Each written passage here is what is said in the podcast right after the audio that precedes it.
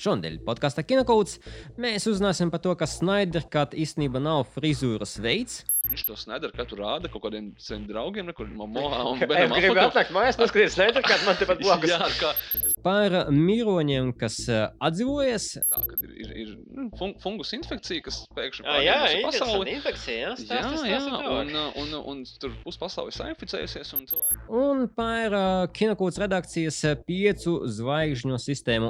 Es pat iedevu Deepwater Horizon 3,5 no 5. Tā filma man patīk un pārsteidz. Vai tad eh, šī atzīme nav rezervēta tikai Sergejam? Un, protams, par eh, visu kaut ko daudzu citu par un ap kino. Go ahead. Make my day. You talking to me? You talking to me? Are you not entertained? Are you not entertained? Labdien, un laipni mūtī podkāstā Kinokauts. Šis ir eh, trešais podkāsts. Kinokauts ir podkāsts, kur Kinokauts redakcija katru nedēļu runā par un ap kino. Kas notiek ar kino pasaulē, Latvijā un kas notiek ar kino kinokultā. Mums ir redakcija es, Sergejs Masatovs, mūsu sapratabals Līvas Pandega Sveiki! un mūsu Vin Dīzela filmogrāfs Sergejs Timonins. Čau! Un pirmkārt, vēlamies vēlreiz pateikties tiem, kas klausās. Paldies par jūsu atsauksmi. Turpiniet sūtīt, turpiniet dalīties. Mēs visu redzam, gluži tāpat kā Marks Zukerbergs. Un cerams, ka jūs nu jau pēc 30 sekundēm paspējat nošokēties, ka mums ir tik daudz labāka kvalitāte, skan labāk. Šoreiz mēs ierakstām podkāstu studijā Later, Later LV, kuri mums palās palīdz konkrēti ar tehnisko risinājumu. Tā kā mierīgi var aiziet uz viņu uh, weblapu Latvijā un apskatīties, uh, kā var pašiem savu podkāstu ierakstīt, ja jums jau ir tāda ideja. Tikmēr par mūsu podkāstu laba ziņas, ka beidzot Apple podkāsts saņemās un apstiprināja mūsu podkāstu kopā ar arī Overcast, kas nozīmē, ka mums tagad var noklausīties gan Apple podkastos, gan Overcast, gan Spotify, Google podkāsts, podkāsts casts. Breaker, radio station, jebkura jūsu mīļākajā podkāstu aplikācijā. Kas nozīmē, ka var ne tikai noklausīties, bet atstāt arī piecas zvaigznes. Nu, ok, gluži kā Bauta un Jandeks taksī, dažreiz četras zvaigznes. Ja tur īstenībā ir vai nu četras, vai nu piecas, vai nu tad ir divas. Vai ne tev izņem ārā? Jā. Jandeks. Tad eh, tie ir tavi personīgi stāsti. Ja? Jep. Uh, Ne tikai no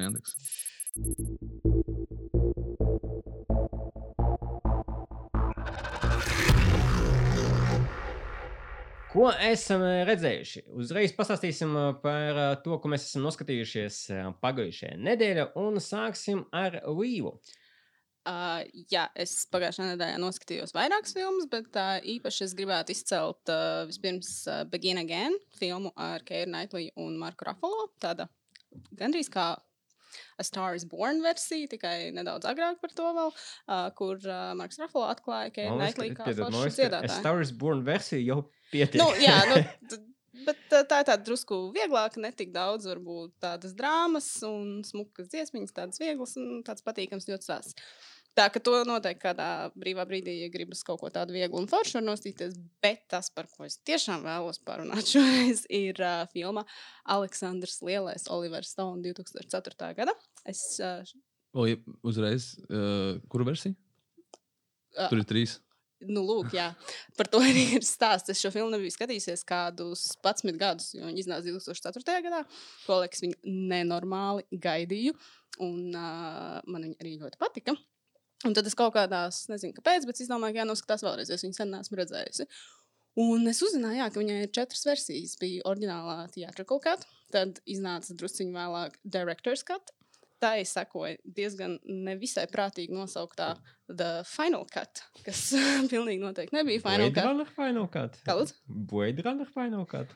Aleksandrs. Nē, viņam, ir, viņam bija tā kā Final Cut, un pēc tā ir vēl The Ultimate Cut, kas tad ir pēdējais, arī, ko es skatījos. Viņš ir uh, 3 stundas 26 minūtes garš ar starp brīdi pa vidu, intermission, tur var kā iepauzēt. Uh, un uh, tā filma ir ļoti, ļoti savāda, es sapratu. Viņa tāda bija noteikti to laiku, bet viņa joprojām tāda ir. Tāda pilnīgi neprātīga stāsts. Tur diezgan liels hauss visu laiku risinās. Kolins Farels ir interesants, bet labā ziņā interesants ar savu īru akcentu. Apkārt viņam ir ļoti daudz citu akcentu, bet uh, tas darbs kopumā ir tāds ļoti, ļoti savāds.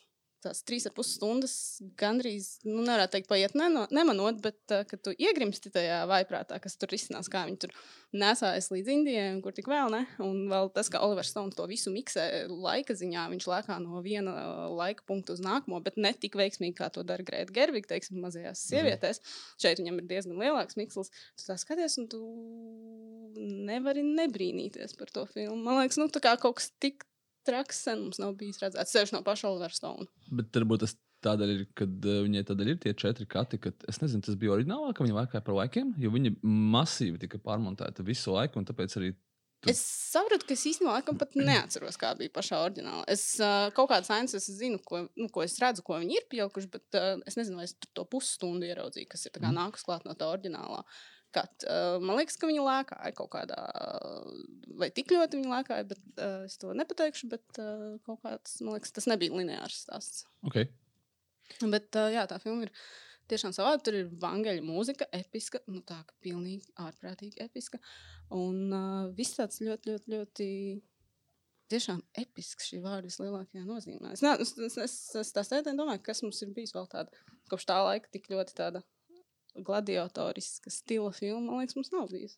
Mm, Exodus varbūt mēģināja uz Nu, to iet, nu, varbūt, vismaz jā. kaut kādā ziņā. Bet uh, interesanti jau arī, kad uh, iznāca Aleksandrs. Tad, nu, jā, es piekrītu par to, ka iespējams uh, tas bija tāds pēdējais posms, kad bija tāda veida filmas, bet Bija tad pēdējā, iznāca uzreiz divreiz, vai ne? Aleksandra un Troja.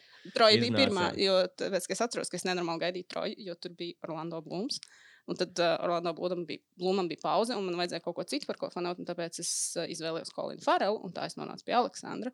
Un tad man liekas, jā, laikam, Exodus pēc tam nākamā tāda. Ja, ja es pareizi atceros, tad bija Gladiators, Troja, Kingdom of Heaven un Aleksandrs. Un uz Aleksandra brīdi cilvēki bija, bija izsmēluši to visu, un, un viņam bija, viņš nebija beig- veiksmīgs komerciāli un mm. arī kritiski. Jā, bet uh, jā, kritiski viņš un uh, skatītājiem arī viņš diezgan nepatika, bet uh, tā filma ir tāda fascinējoša. Tur ir tik daudz eyeliner.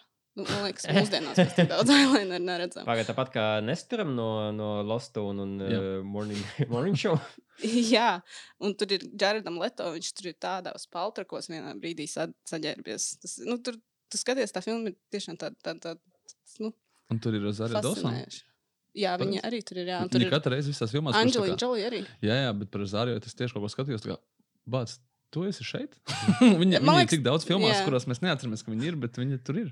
Tā bija iespējams viena no pirmajām filmām, kuras vispār viņa Jā? redzēja. Jā, to Ok. laiku. Atcerēsimies arī to, ka uh, četrām Aleksandra versijām mums jāsaka paldies, ka mēs tā arī neieraudzījām Baza Urmana Aleksandru ar Leonardo Jā, DiCaprio. tas arī bija plānots. Tas arī Tāpēc, varētu viņam vajadzēja veltīt laiku, lai izstrādātu kēdes, un par to mēs viņam sakām paldies. Pareizi, sak... mm, es sajaucu. Nē, Toms sajaucu, Hoopers. tāpēc, ka Frīrs. Kas, kas kāds, kāds saucamie? Toms Hoopers. Hoopers. Visu laiku tagad Hooperam bija. Uh, tagad es domāju, kāpēc viņus jaucu. Nē, es nezinu. Labi, uh, Serija, ko tu esi redzējis? Mm, es uh, sākšu ar īsāko. Es noskatījos, pirms es braucu projām. Mums gribējās noskatīties kaut kādu filmu, kas ir kā kino par kino. Tas ir brīnišķīgs žanrs, man ļoti patīk. Uh, un es ļoti sen nebiju skatījies brīnišķīgo filmu Bowfinger ar Ediju Murphyju un Stevu Mārtiņu. Man liekas, ka es viņu biju redzējis, tad, kad viņi iznāca. Tas bija 2000. gadu kaut kas, kaut kas ap to. Uh, un uh, brīnišķīgs kino. Es biju ļoti pārsteigts, cik ļoti labi tā filma saglabājusies.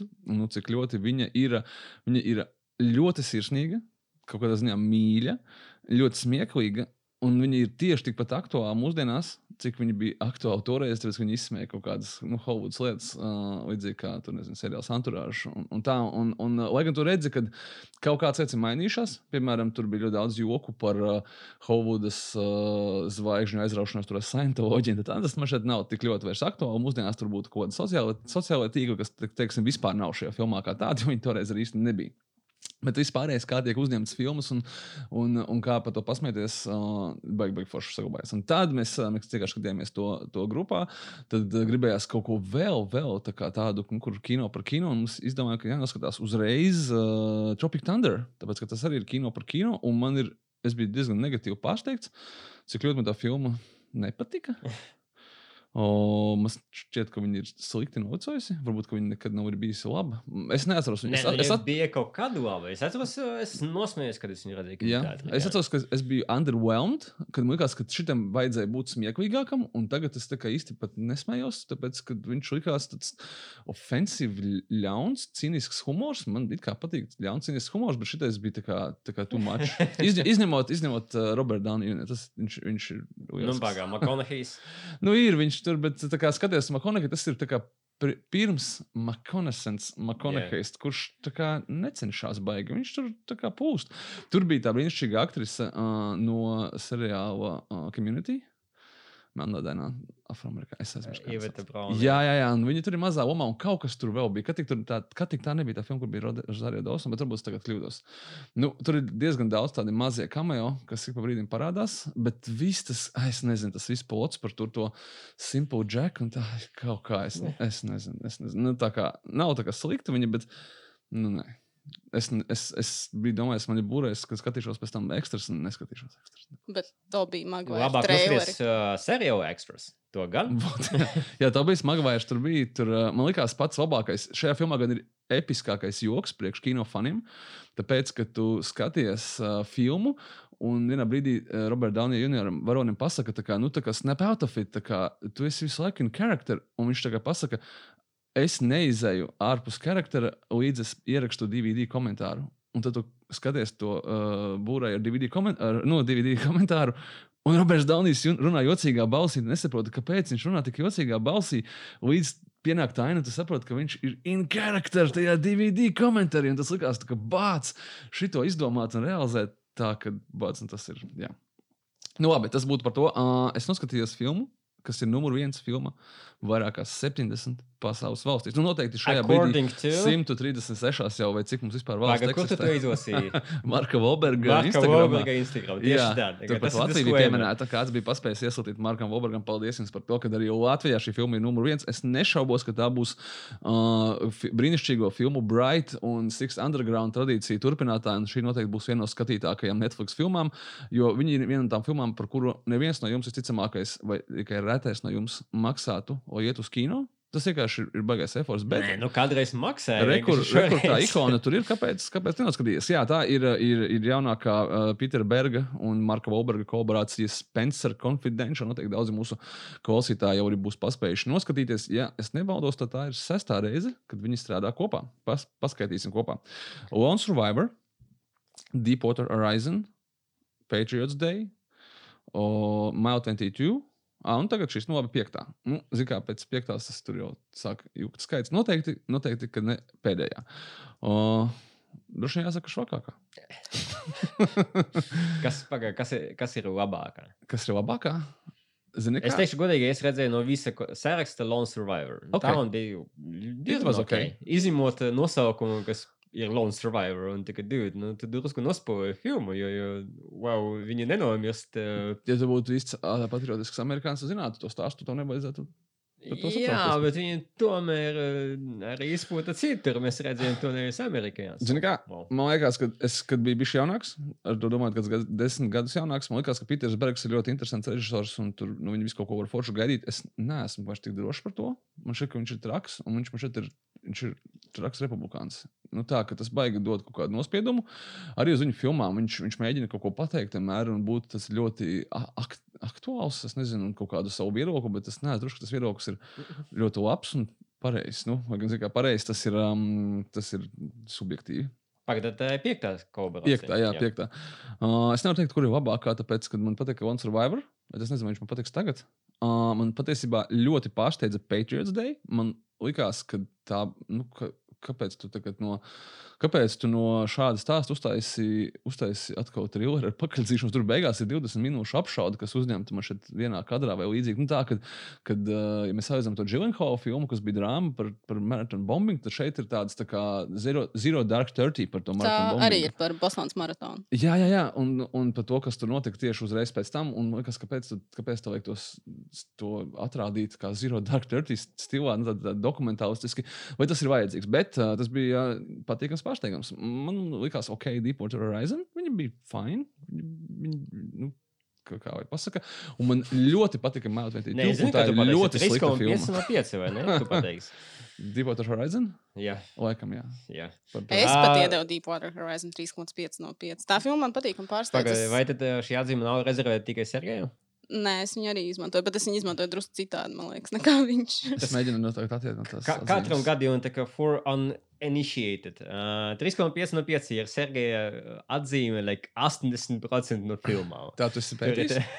es skaitīju, es uzskaitu, un, un, un uh, pēc statistikas sanāk, zina, tāds Belkorf, un viņš ā, tieši ir 3,5 no 5. Iespējams, iespējams. Tas ir gadījums. Paskaidro man- šitais, kā, tu to izteiktu vēl? Man patika filma, bet viņi man neizķēra. Es esmu ļoti, tāpēc, ka es esmu ļoti piki par piecām zvaigznēm. Man Ok. liekas, ka es lieku reizi gadā. Nu, es esmu viens no tiem cilvēkiem, kas uzskata, ka pieci ir izcili. Absolutely, sure. Un es pat filmām, kas man tā kā ļoti patīk, ielieku četras. Bet, Okay. Tad filma, tu, kas man man- liekas, filmām, kurām tu pasaki, ka, nu, tā, nu, e, tad tu trīs zvaigznes. Nē, es tam lieku divas, divas ir puses kaut kā tā. Ja man tā kā reāli tā kā, mm, nepatika, tad es lieku mazāk. un es 3,5 droši vien es tā neesmu pat to aizdomājies. Ir pff, nu, tā, ka tu noskaties, jā, it's fine, it's ok. Bet tas nav tā, ka man ir tā kā. Bet kāpēc 3,5 nevis 3? Pastāsti par šito nodalījumu. Droši vien, tad, droši, vien, 3,5. droši vien tieši to pašu iemeslu dēļ, kāpēc ir 5 tik rēti un kaut kāds 4,5. Nu, mēs šobrīd, sapratu, kā jūs kāds nesaprotat, mēs runājam letterboxd zvaigžņu izteiksmē. Tas, tam, tas ir kā Nē, pašapro- nu, pašsaprotams, jebkurā- bet, jebkurā bet Nu, Pieci vienkārši zvaigznes piecas sistēmā. zvaigžņu sistēmā. Nu, laikam kaut kā tā tas ir iegājis. Es nezinu, man grūti, man negribās, man citreiz negribās šausmīgi kā mīcīt kaut kādas filmas un likt, teiksim, tur vienu, divu, tā tā. Es nezinu, man kaut kā varbūt nav pēdējos gados tāds garšstāvoklis, ka man, es, es cenšos atrast kaut ko labu. Te pašā laikā es rezervēju 4 un 5 tikai filmām, par kurām es varu pateikt, hei, I love this. I, I, like this a lot, I love this. Un tā arī sanāk. Nu, citreiz, citreiz ir 3 un 3,5, bet es tev nevaru pateikt, kur ir tā Bet starpība. liekas, tāpēc, tāpēc, ka, man liekas, ka, zini, ka tas 3,5 ir um, tas solis starp 3 un 4, kur Jā. indecision. Un es gaidu, ka tu pieņemsi to decision, vai tev tā filma patīk vai nepatīk. Es gribētu teikt, ka, ja tas ir 3, tas tā kā. Nu, laikam, tur ir vairāk mīnusu. Okay. Kurš tā kā, ok, tad tā, ka 3,5 ir tā, ka es noteikti iesaku, bet I didn't love it, un, un viņi personīgi ne. Vai tev ir kaut kāda sistēma? Nē, tas ir vairāk tāds pēc izjūtas vienkārši. Un vai uh, mainās ar, teiksim, ar laiku, ar gadiem? vai- Īsnībā, jā, jo, teiksim, ja es paskatos filmas, kam es esmu iedevis piecas zvaigznes, es viņas varbūt pat neatceros pēc kaut kāda laika, bet filmas, kurām es esmu iedevis četras zvaigznes, atmiņā paliek labāk. Varbūt kaut kādi tie mīnusi, ko tajā brīdī iedomājies, viņi aizķer tevi vairāk nekā tas viss totālais perfektums ar piecām zvaigznēm. Nu, tas ir mainās, jā, tā saj- sajūta. Ir kaut kādas, piekrītu, ir kaut kādas filmas, kur uh, tu noskaties, uh, varbūt pat divreiz, un neatceries. Un ir kaut kādas, kur tu redzēji pirms pieciem gadiem, teiksim, under the skin. Vienalga paliek kaut kādas uh, atmiņā konkrētas ainas no tās filmas, kuras tu vienkārši vairs nevari atkritīties. Viss, that, that, that's there. Nu, labi, bet uh, klausītāji grib zināt, cik es esmu ielicis pēc Nē, nē, viņi negrib, grib dzirdēt arī par manu sistēmu, un man ir konkrēta sistēma. Es eh, ļoti pie tā stro- nostrādāju, un tad es viņu neizmantoju. Būs es tagad lieku tikai sirsniņu vai nav sirsniņas. Ja es nerakstu, ja es rakstu kaut ko, tad es varu ielikt zvaigznes. Bet eh, te, kāpēc es tieši jautāju par tiem 3,5? Jo man, teiksim, 3 ir filma, kuru es vairs neskatīšos. Viņa varēja būt ok, bet okay. es neatgriezīšos pie viņas. 4 ir filma, kuru es noskatīšos vēlreiz. Un pieci ir tā kā mīļākās. Jā, es piekrītu absolūti, ka vienreiz gada tu drīkst jau piecinieku. Bet, nu, trīs, četri ir kaut kāda strict definition. Man ir ļoti daudz filmu, kurām es esmu ielicis divas, un es skatīšos vēl vairākas reizes. Kā es gribēju teikt, kā Marka Valberga filmu un Pītera Berga. A, tur, tu saproti, tur ir Pīters Bergs un Marks Volbergs. E, man jau liekas, ka viņš kā speciāli tāpēc arī ir tāds dos, vienkārši The Bergs. Labi, man ā, viņu mīļākā kolaborācija ir Mile 22. Jā. Man ļoti patīk šī filma. Viņa ir ļoti slikta filma. Es ieaugu divas zvaigznes un milzīgu sirdi un vēl apvilku apkārt treknu svītru. Pilnīgi Glitter, traka glitter. filma. Pilnīgi, jā, viss tur kā tur nav glitters, tur benzīna apojas un aizdedzinās. Tāpēc, ka tieši tāda viņi ir. Viņi ir traka filma. Es visiem iesaku, lai pastīties, kā nevajag taisīt, vai kā vajag taisīt. Es nezinu, kā. Un nekas no tā trakuma, nekas no tā trakuma nav filmā Spencer Confidential. Viņi vienkārši boring. Bet vai, ja mēs iesakām noskatīties kādu Marky Mark filmu, kur ir traka filma, tad varbūt uzreiz Pen and Glory? Ne jau par Pen and Gain? Vai arī- citādā Almodovēra filma. Almodovēra kopā ar Marku Marku. Arma, tas būtu kas atries. var. Pain and. Gain Jā, Bet tas viņš īstenībā- bija pie Paula Andersona. Viņš izvilka ārā no Marka Marka visu, ko varēja. nu, sure, jā, kādreiz. Uh, un Es- mēs runājam par Paulu Tomasu Andersu. Jā. Domāju, kad, kad tu teici traku filmu, tu domās The Happening, kas ir traka filma.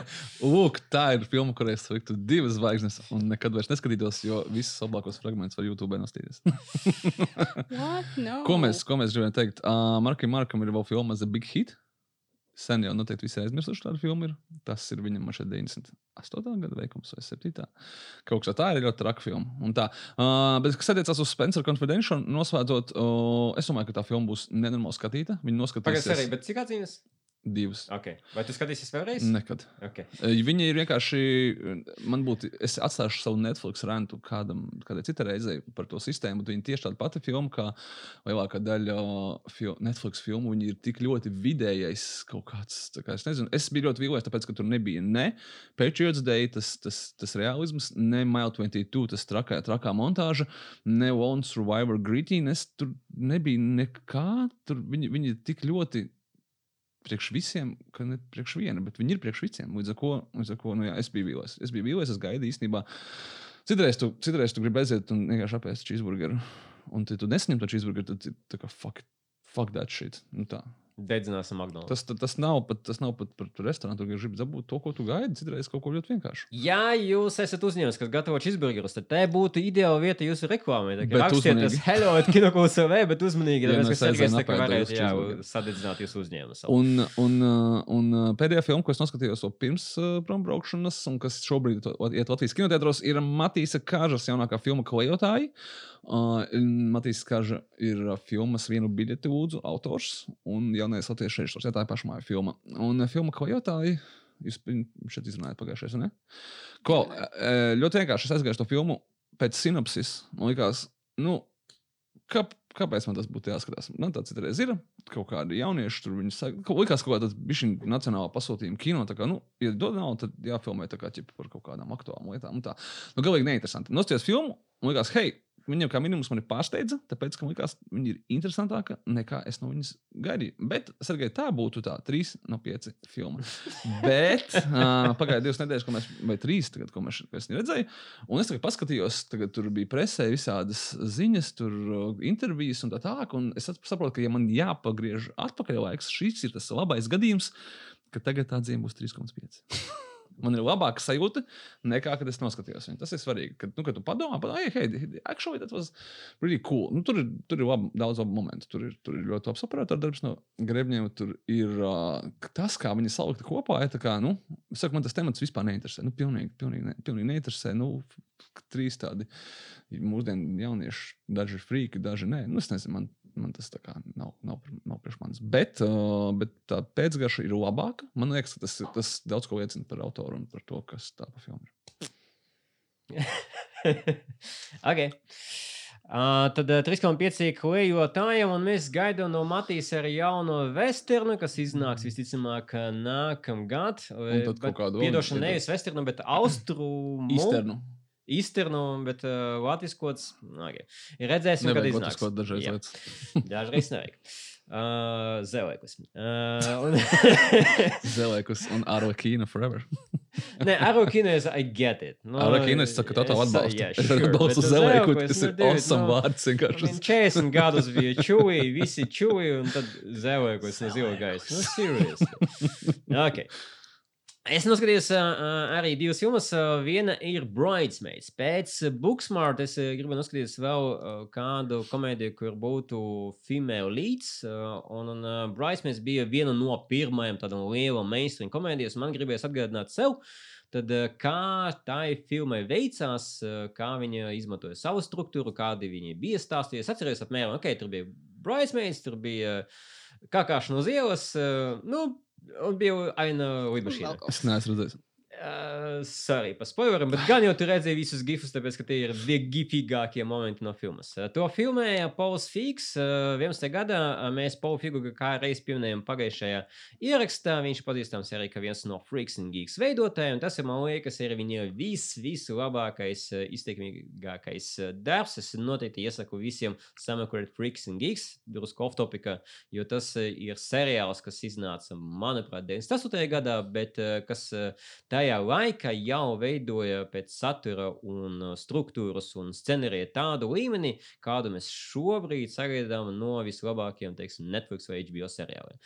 Ok, off topic beidzās. Uh, Bridesmaids, 11. gads, uh, un, un galvenās lomas spēlē Kristina Viga uh, kopā ar Maiju Rudolfu, bet viņam piespēlē tad uh, arī uh, sāka karjera būvēties gan Rebelai Vilsonai, gan uh, Rozai Bērnai, uh, gan arī Melisai Makartnī.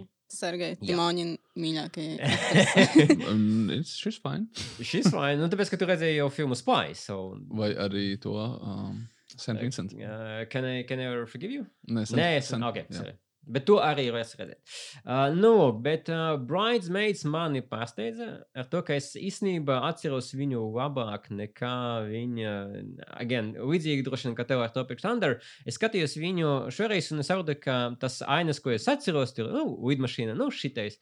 Tas, that's about it. Tas ir vienkārši konkrētas ainas, jeb gan arī tādas mazas uh, Saturday Night Live skices, kuras ir kaut kā savilktas ar uh, scenārija segway no vienas ainas uz otru ainu. Jo faktiski viss, kas notiek sižetiski, ir tā, kā, kā mūs nokļūt līdz nākamajai skicei. Viņam tas relatīvi sanāk, bet nav tāds uh, emotional impact. Jeb, ja mēs skatāmies uz uh, konkrēti uh, female-driven komēdijām, tad uh, baigi Fēnika var parādīt piemēru, ka jā, lēdijas arī var uh, piedalīties raunchy komēdijas un uh, dabūt lielu box office, un tad turpinām darīt tādas pašas filmas vai līdzīgas filmas vai iedvesmojas no tādām filmām. Uh, lai būvētu to industriju un lai uh, vairāk lēdijas parādītos, uh, būtu reprezentētas uz liela ekrāna. Bet, again, salīdzinot, teiksim, 11. gada Bridesmaids ar uh, 19. gada Booksmart, nu, atšķirība ir milzīga. Cik tā kā Booksmart ir pārdomāts un, un, un uh, joprojām ļoti, ļoti smieklīgs, bet kur tu vari investēties personāžos. Līdz ar to apsveicami arī, ka, ka Booksmart ir, ir uh, filma, kuru mēs tagad pagājušajā gadā dabūjām no Olivijas Vaildas. Kopumā, jā, Varbūt bija vajadzīgs tāpēc tas solis, tā kā, kā, kā, kā trepas tādas. Absolūti. Mēs, mēs nebūtu tikuši pie Booksmart, ja mums nebūtu bijuši Bridesmaids. Absolūti. Mēs uh, noteikti vajag, zinām, kā tāpat kā ar šo podkāstu, mēs darām trial and error. Mēs uh, kaut ko izmēģinām, mums nesanāk, tad mēs pieaugamies un mēs taisām labāk. Cerēsim. Ceturtais būs vienkārši the best, tad vienkārši būs 6 no 5 zvaigznes no Apple podkāstu. Nu, ja, ja Tims Kukas paspēs, paspēs uh, ieviest. Uh, bet uh, uz to brīdi, jā, skatoties atpakaļ. Ah, well, varēja labāk. Again, tā ir kritika konkrēti, tad, ņemot vērā, ka tā bija pirmā liela mainstream filma.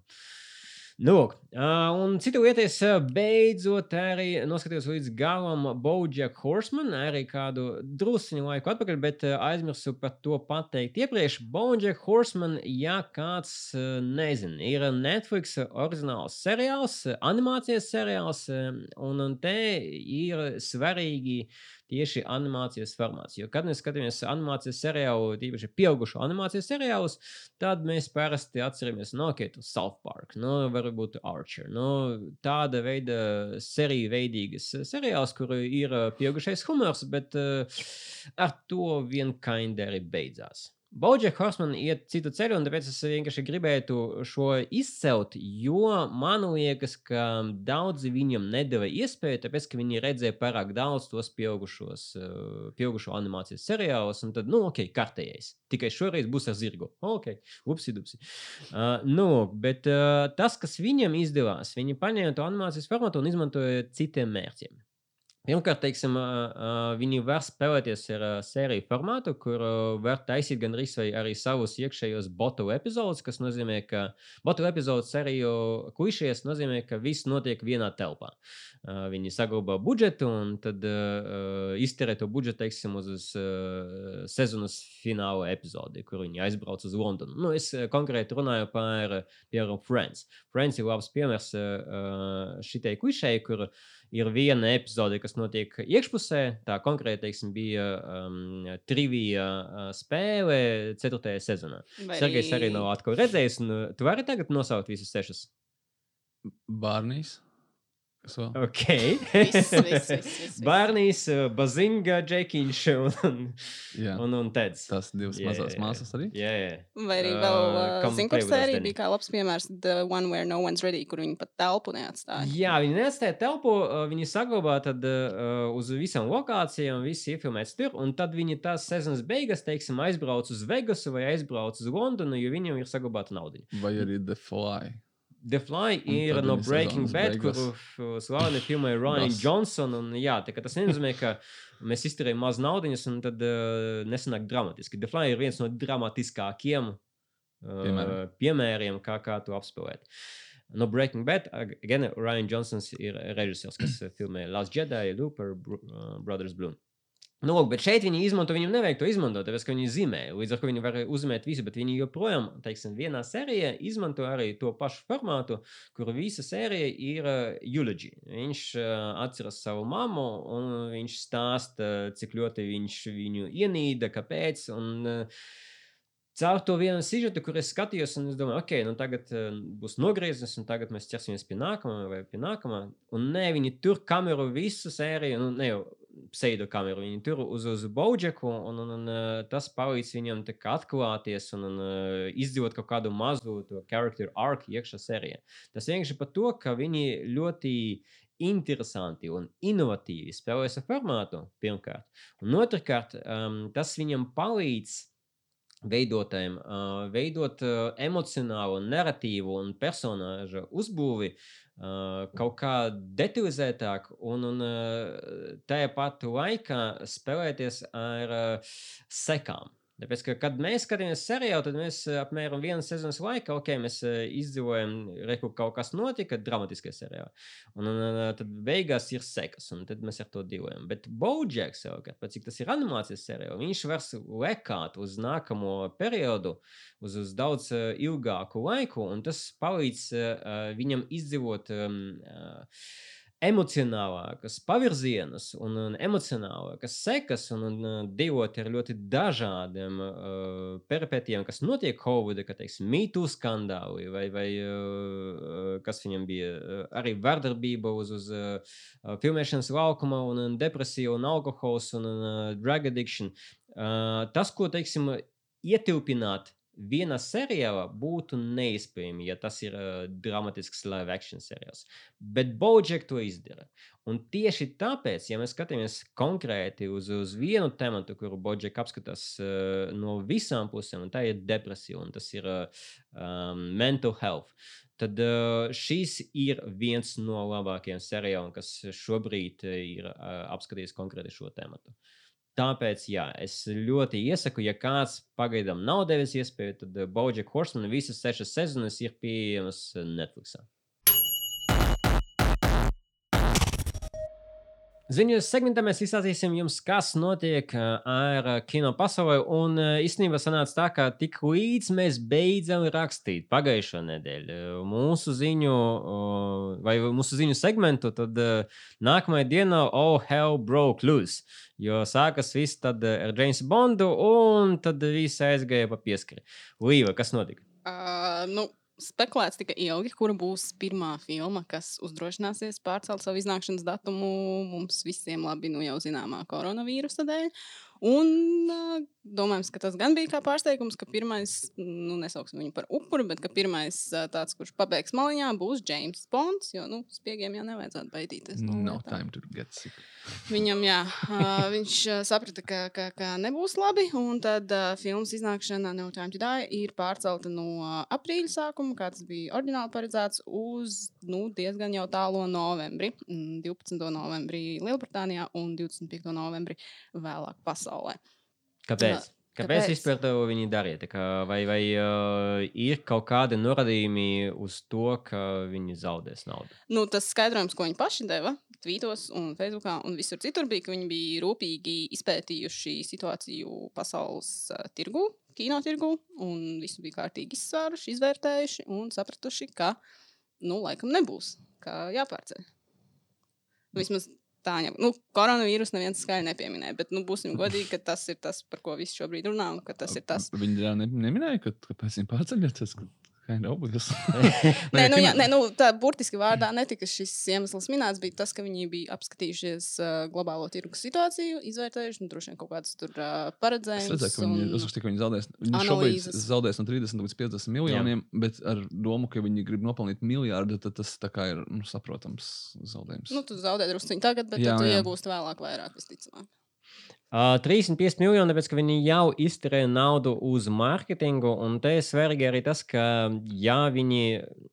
Nevis ja viņi, bet visas, uh, visi, visi blockbusteri, tīpaši, kas iznāk uh, Ķīnā un, un kas iziet to, to viņus uh, kvotas, jo tur bija 3-5 filmas vai kaut kas tāds gadā no, no ārzemēm, kas drīkst iznākt Ķīnā. Un ja Ķīna šobrīd ir like, otrais kino tirgus pasaulē aiz ASV, tad Ķīna bija noteikti liels faktors, kāpēc jāpārcelt. Ir aizvira šobrīd 70 tūkstoši uh, kinoteātru, līdz ar ko būtu diezgan manāmi, ja pietrūkstu nu, cik 200-300 miljoni box Es, es domāju, vismaz. ka tas jau vairs nav tikai par Ķīnu. Tas Nu, nē, par nē, nē, Itāliju. tas par... nav par Ķīnu noteikti, bet tajā brīdī, Jā. pirms nedēļas, vēl nebija Itālija arī cieta pavisam. Un, un, un pirms nedēļas, ā, tika, kad parādījās ā, ziņas, tad jā, mēs zinājām, vienkārši, ka 70 tūkstoši kinoteātru Ķīna jau ir cieta, un, un um, ir ā, atnākuši arī kaut kādi dati par to, cik Ķīnas ā, kinotirgus zaudēs, ka, teiksim, viņi salīdzina ar 19. gada, kad ā, līdz ā, ķīniešu jaunajam gadam, kas ir februāra beigās, parasti 19. gada un gada, ā, uz tiem diviem mēnešiem ā, izterē apmēram 1 miljards 700 miljoni. Tas ir ā, Ķīnas ā, kino box Tas ir office. dolāros, nevis joņos. Ā, Dolārs. Šobrīd 4 miljoni. Nu, Tāpēc, ka visi ciet, un neviens neiet uz kinoteātri, tas nu, ir nereāla starpība. Nu, traģiski. Līdz ar to, jā, Tas pats 100%. Wow! Uh-huh. So, uh, Jamesa Bonda uh, lēmums, uh, jo viņam nav licences slimot, tad uh, līdz ar to atcelties un pārcelties uz, uz novembrī, tāpēc, ka jā, viņi zaudēs 350, bet nu, tas varētu būt kapeikas, ja viņi zaudēs visu Ķīnas marketu, jo neviena kinoteātra- neviens kinoteātris nav vaļā un neviens nenāk.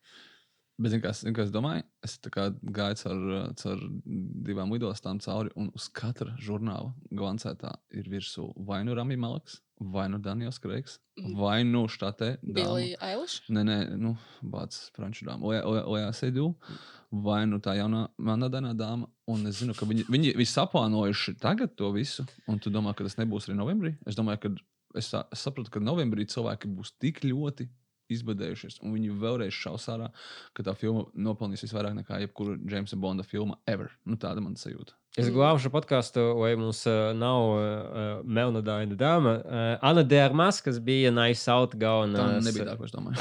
okay. Es domāju, šo, Šošana Linča pareizi. Nu, pēdējā laikā visi vārdi ļoti daudz aktieri, bet nu, nē, nē, tā, kas ir, kas ir numurs 007, bet kas nav James Bonds. filmā. Uh, tas, kas uh, notika tālāk, arī ne tikai nebeidzas ar Jamesu Bondu, uh, bet uh, nākamais upuris bija South by Southwest, jeb festivāls, kur pulcēs gan kino producenti, kino veidotāji, kino pircēji, gan muzikanti, gan startup biznesmeni uh, un venture capitalists, jeb tas, ir, tas ir liels, milzīgs uh, festivāls Amerikā, uh, Austinā. Un uh, Austinas arī uh, pašvaldība pateica, ka, hei, nu, tomēr nebūs. Tāpēc, ka sabrauks no visas pasaules uz mūsu festivālu cilvēki. Ja būs viens slimais, tad saslims visi, un tad tālāk izplatīs gluži kā uh, pēc citu aina filma The Rise of the Planet of the Apes. The Dawn of the Planet of the Apes. Viena no. Dawn filmām. Rise of the Planet of the Nu, Apes. vai arī visa filma The Contagion. Yes, uh, mums ir daudz jau piemēru, un uh, lab, interesanti, ka un, un, uh, melnais humors no Ķīnas, ka Ķīna šobrīd uh, populāra spēle uh, pandēmija, kuru vajag inficēt pēc iespējas vairāk cilvēku. Tas So, ļoti mūsdienīgi. Jā. Meta, meta. Nu, un Southbay Southwest, ā, protams, ir ā, iespējams kaut kāda alternatīva, jo jau streaming platforma pateica, ka uh, Stage 42 streaming platforma pateica, ka, hei, paņemsim dažas no jūsu filmas, ja jūs gribat, un parādīsim pie mums. Un tas, starp citu, ir jautājums, cik daudz, ja kinoteātris zaudē, cik daudz īstenībā vinē straumētāji tādi kā HBO, Max, un Netflix, un Apple Plus un Disney. Uh, Apple TV plus un Disney Plus, uh, uh, jo tagad cilvēki sēž mājās un skatās Bojack Horseman, vai ne? Uh, līdz ar to uh, tagad AMC tīkls, teiksim, Amerikā viens no lielākajiem jau ved kaut kādas sarunas uh, vai, vai plāno, kā mēs varētu sadarboties tomēr pēc visiem mūsu konfliktiem ar tiem pašiem straumētājiem un tomēr nezaudēt tik daudz naudas. Nu, redzēsim, kā viņam tas, uh, uh, kā viņam tas veiksies, jo kaut kādu platformu ir jābūvē, jo nākamais superis, un visi par to šobrīd runā, ir Kanni.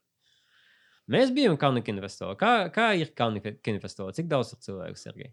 Man liekas, ka uh, uz uh, festivāla laiku sabrauc man šeit 300 tūkstoši cilvēku. Uz uh, pilsētu, kas ir paredzēta 30 tūkstoši cilvēku. Un, uh, kā, kas, kas, kas sabrauc? Kā vispār uh, sarīkots Kanni festivāls? Kā, kas tur notiek? nu, atbrauc tur, teiksim, Dans Bilzēriens ar laivu. Okay. Pats svarīgākais, kā kino fair festivāla enough. viesis. Nu, jā, otru, kas nebrauks, es neminēšu. Šogad viņš cietumā sēž. Bet, uh, jā, sabrauc no, no visas pasaules, protams, ļoti daudz. Gan filmveidotāji, gan žurnālisti, gan vispār visi, kam nav slinkums, sabrauc tie tur balto, balto pēstu turētāji un tie, kas prasa biļetes uz ielas no visas pasaules. Nu, tā, ka, nu, baigais. Tur ir uh, viens, viens vārds, ar ko var uh, apzīmēt, kanas ir pūlis. Un rindas. Un rindas. Nu, vismaz rindas ir svaigai gaisai. Bet, nu, Krieviskās vārds Dafka. Un tas- Dafka, un, un jā. uh, arī uh, šobrīd, teiksim, uh, kāpēc visi runā par Kanādu? Tāpēc, ka sākotnēji Francija izsludināja, ka, hei, nepulcēsimies vairāk kā 5000, un tad viņi samanēja uz uh, 1000, jeb šobrīd kā likums nedrīkst pulcēties vietās vairāk kā 1000 cilvēku. Un Kanā savukārt ir divas milzīgas auditorijas zāles. Viena ir 1000 cilvēku apmēram, otra ir 2600 vai 700, kaut kas Kaut kas tāds. Uh, kas nozīmē, ka tur sēdēs uh, pusmūža kritiķi, uh, kuri ir nu, koronavīrus primāra target audience, un, un, un uh, pēc tam, pēc festivāla, pēc nedēļas, uh, divām brauks uz savu valsti. Again, Rise of the Planet of the Apes. Tā kā ļoti labs radītājs.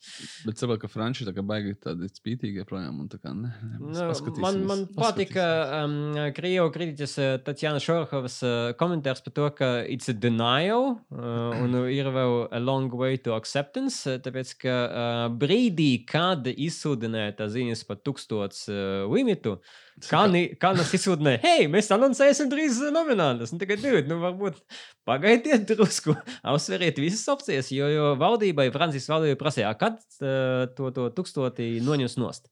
Nu, pagaidām nav zināms. Nu, vīrusu izplatās vēl nav zināms. Uh, interesanti ziņas atnāca pēc tam drusku vēlāk par to, ka Kanām desmit dienas pirms uh, šī, šī uh, piedāvājuma, šī likuma, uh, desmit dienas piedāvāja uh, apdrošināt. Apdrošināt festivālu uh, pret epidēmiju. Jo parasti tā, tas ir force majeure, un uh, koronavīrus uh, netiek pieskaitīts pie uh, tiem notikumiem, kuru tev izmaksā naudu. Un te savukārt apdrošinātājs piedāvāja kanām. Un, un kanas atteicas. Uh, bet, nu. Tāpēc, ka atcelt. nu, nu, Nu. semerde, nu. Uh, Fudifafa. Uh, un, uh, nē, nu, Kānas diezgan ātri pēc šīs ziņas arī izveida savu preses relīzi, kur teica, ka, hei, mūsu apdrošinātais piedāvāja tikai 2 miljonus, bet mūsu uh, festivāls maksā 32, so, I mean, nebija vērts uh, īsti kā maksāt viņam naudu. We, mēs izveidīsim festivālu. Un, ja neizveidīsim, tad neizveidīsim festivālu. Bet, nu, jā, ja neizveidīs, tas būs uh, diezgan traģiski, tāpēc, ka, uh, pirmkārt, uh, pircēji tur ir, līdz ar ko mums faktiski nozīmē, ka varbūt kaut kādas filmas nedabūs arī izplatīšanu. Tas nozīmē, ka, ka nebūs pirmsrādes, tas nozīmē, ka Kanu pilsēta nedabūs uh, kaut kādas 200 miljonus budžetā, tāpēc ka tieši tik viņi dabū no katra festivāla Gadā. Vairāk šādi tos cilvēkus, kas mums toreiz arī pārdeva to super pārcenoto dzīvokli. Super personālais dzīvoklis ir stāsts par Airbnb, kur mēs, eh, kad eh, devāmies otru reizi uz Kanu kinofestivālu, ļoti laicīgi pajautājām, tik līdz bija zināmi datumi. Burtiski tā nākamajā, aiznākamajā dienā, tik līdz bija zināmi konkrēti datumi, mēs rezervējam Airbnb dzīvokli. Un mēs skatāmies, hei, 700 eiro par tur desmit dienām, divas nedēļas. Ideāli, rakstu.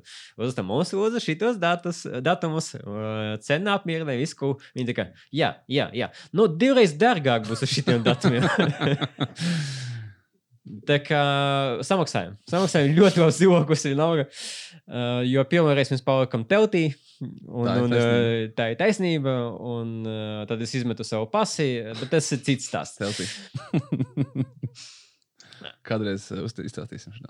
Kas, uh, Līva, kas uh, vēl tiks pārcelts vai jau pārcelts? Jā, vēl bez festivāliem. Tad nākamais, kā malā aizļapatoja, ir uh, Trusītis Pīters, Peter Rabbit. Uh, turpinājums bija paredzēts iznākt uh, martā, marta beigās, bet arī viņš ir nedaudz pabīdies, gan ne tik tālu kā No Time to Die. Viņi ir aizbīdījušies līdz augustam, cerībā, laikam, ka ap to brīdi būs situācija jau nostabilizējusies vairāk. Tā kā šo draugu mēs arī tik ātri vēl neredzēsim. Uh, nedaudz ietekmēta ir arī filmas Mulana iznākšana.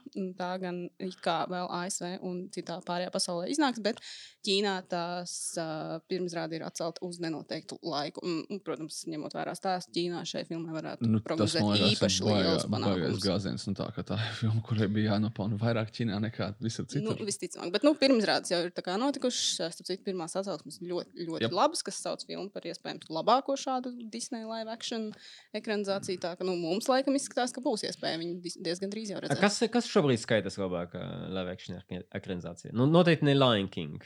Mm, Tur jau bija. Man liekas, par Cinderella bija tāds ļoti pieklājīgs atsauksmes, un Jungle Book droši vien. Nu, ja mēs viņu saucam par live action. protams, Jungle. Book, ok, jā, sure, varētu tā būt. Bet ne Beauty and the Beast. Nē, tā man Neesmu liekas, bija tāda jau tāda nevisai. A, Nu, viņa bija ok, bet. Uh, Aldins? Uh, Audins un bija vēl uh, Lady in the Trump, uh, kas bija. tā ir. Disney. Plus. Jā, bet viņi izvēlējās tieši Disney. Plus, kas ir uh, mūsdienās uh, direct to DVD formāts. Bet kas, uh, Serija, kas mums uh, vēl potenciāli Riska zonā ir nu, Fast and Furious 9. Bet nu, redzēsim, ko viņš Dīsels teiks. For the family viņš atcels, ja tieši otrādi apvienos to family kopā. Es domāju, ka tur šobrīd cilvēkiem ir kaut kāds absolūts haoss un viņi skraida visi tā kā ar degošām pakaļām. Ko, ko darīt, kā dzīvot, kā būt? Nu, Bloodshot viņš teica, ka nē, ka mēs iznāksim. Bloodshot ka nav tik svarīgs. cil- Nē, nu, bet tas bija kā, nu, tad viņas dīzels pats teica, Jā. ka viņam taču vajag, ka nē, ka mums tagad ir kinoteātris tukši, bet tāpēc mums vajag ko Quiet skatīties. Place Un tāpēc kad- iznāks. Un, uh, nu jā, mm, Black Widow. A Quiet Place ir uh, tā tukša auditorija, kur viens cilvēks skatās filmu. It's completely quiet. es ļoti ceru, ka nē. Vismaz ne mūsu sens. Mums ir plānots sēns 19. martā, jau visas bildes pieejamas, uh, bet par to vēl vēlāk. kā. Uh, nu, redzēsim, jā, Fast and Furious 9 noteikti ir lielākā uh, maija. Preizi. Maija filma, man liekas. Un galvenais, ka mēs tas arī, uh, labi, pieņemsim, ka tas ir spoilers un neteiksim, bet uh, mums ir, uh, uh, mums ir konkrēti argumenti, kāpēc arī tai filmai Fast Furious 9 vai jeb F9 diezgan labi veiktos Āzijā. Jā, mēs So. redzējām, traileri. Jā. Uh, Black Widow 1. maijā. No, no Disneja un Bet- Marvel. Tas izskatās, ka vēl notiks, jo nu patās vēl pirms pāris dienām iznāca jaunais traileris. Tā kā es domāju, Man ka šķiet, Nā, ka- man šķiet, ka abām, abām tām filmām pagaidām ir tā kā full steam ahead, un, un ja nu viss slikti, tad, tad, būs, tad nedomāsim par filmām. Man liekas, tas, ka viņi vēl izlaiž trailerus un diezgan Jā. turpina vēl to promo liecina, ka, nu, ka viņi nepauzē, ka viņi rēķinās, ka viņi iznāks. Nu, labi. Jo, man liekas, ja šajās, nu, tā kā tu varbūt vēl nedēļu pagaidīt pirms to Es nezinu, traileru kādas izlaist, ja tu ķermeles apsvērt, ka pasaulē tu būs aprīlī. Nu, arī fakts. vai ne? Nu, kā, kas tur bija Mission, Mission Impossible pārcēlu filmēšanu no Venecijas. Starp citu, ne tikai Mission Impossible pārcēlu filmēšanu no Itālijas, bet arī mm, Dwayne Johnsona jaunajai filmai Red Notice bija paredzēts. Tur kā ir par, par Archtief un tā tālāk. Nu, tur Venecija un tā, un tā, kā, tā kā viņi to visu. Nu, es, nezinu, es domāju, ka tas nav tik būtiski šajā brīdī runāt par to, kas vēl tiek filmēts. Nu, vienmēr atradīs. atradīs Es gan uzskatu, ka Mission Impossible par to pārcelšanu ir nu, tāds lost opportunity. I mean, ne, kāpēc neuzsist metajoku? It, miss- it is Mission Impossible iefilmēt šobrīd Itālijā. Bet mēs to izdarījām. Tomam Krūzam. Uh, un tukšas ielas, līdz ar to nevajag bloķēt, vispār lieto. Un, un paši itāļi droši vien baigi priecātos, ja pie viņiem atbraukt un izterēt naudu. So, I don't know. Uh, bet fakts tāds, ka Mission Impossible 7 bija ieplānots uz 21. gadu, uz vasaru, līdz ar ko, ja viņi nav iepilnējuši, nu, redzēsim, vai viņi neparcels to datumu. Bet viņi iepriekšējā filmā filmējot, jau arī viņiem sanāca neplānota pauze ar Tomu Krūzu salauzto Jā. potīti, un viņi beigās novērtēja ļoti Un arī baigi- piektajā filmā tas pats bija. Viņi tā kā cēlā, ne, bet kad viņi Kas viņam ar tām kājām? Vai, nē, nē, citi piektajā filmā iesūdzēja? beigas pārfilmē, ka viņi pirmajā pārrakstīja to visu trešo aktu. Uh, jo tur bija kaut, kāds, kaut kas, tur bija, ka nevarēja filmēt, un bija arī hiatus. Tā kā viņiem katrā filmā šis notiek. Starp citu, jā, ir iespēja, ir vērts sameklēt to konkrētu ainu, kuras dēļ krūzes sauza kāja, tāpēc ka viņa ir diezgan interesanta un viņa tika iekļauta beigu Es filmā. Pārāk daudz redzējis, man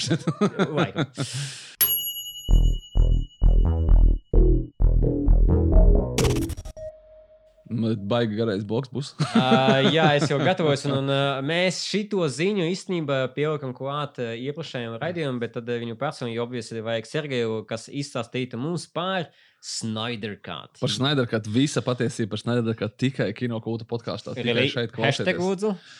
Revīzijas kad? Jā. Visu laiku mūs kopš 2017. gada novembra mūs moka tāds saucamais Snyder Cuts. Uh, izmantosim šo iespēju, lai parunātu par to, kā, kas tas ir. Kur jau iesāk ar Aleksandru, kuram izrādās ir četras versijas, un kas vispār ir režisora versijas, extended versijas.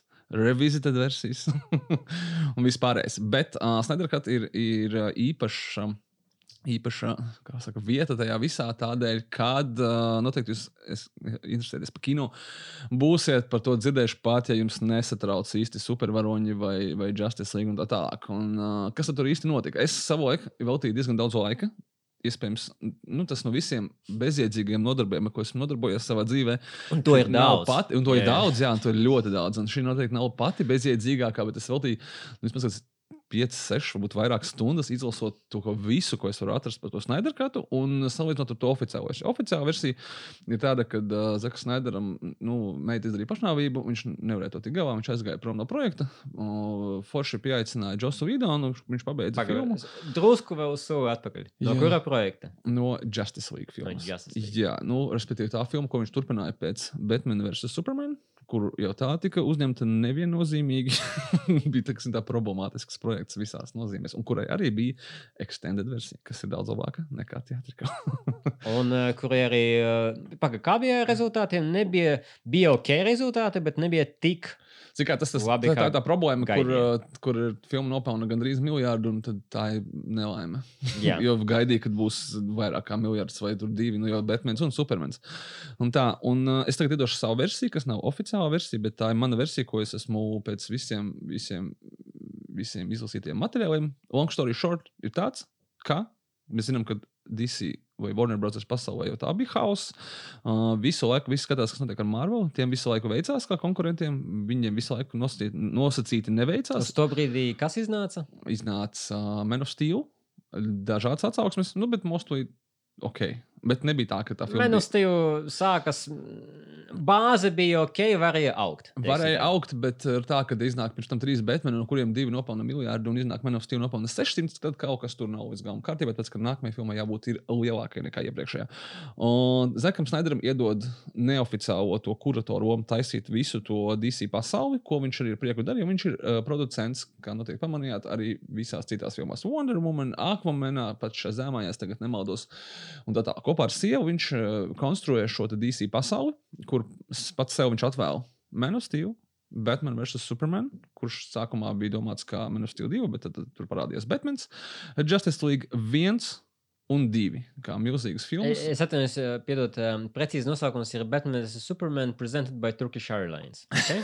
jā, jā, tas ir the one. Jā.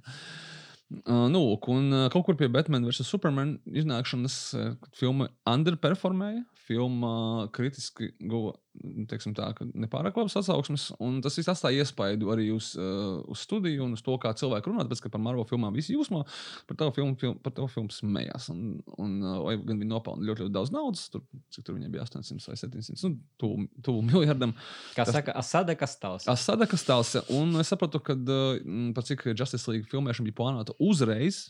Pēc uh, Batman vs. Superman pirmizrādes, tad viņu to filmēšanu būtiski ietekmēja atsauksmes, respektīvi tas pressures, kas Snaideram bija no, būsim godīgi, simtiem cilvēku un studiju vadītājiem, kas to visu apmaksā.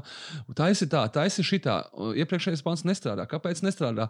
Un tad, tā nebija pati labākā uh, atmosfēra, kurā filmēt. Un uh, vēl es atceros to, ka uh, gan Batmans pret Supermanu, gan Justice League, man šķiet, viņš kādu gadu filmē. Nu, ļoti ilgi tas vilkās. Ilgās, vilkās, vilkās, un, un cilvēks reāli taisa savu milzīgo, milzīgo eposu un filmē ļoti daudz ainas un ļoti daudz materiālu.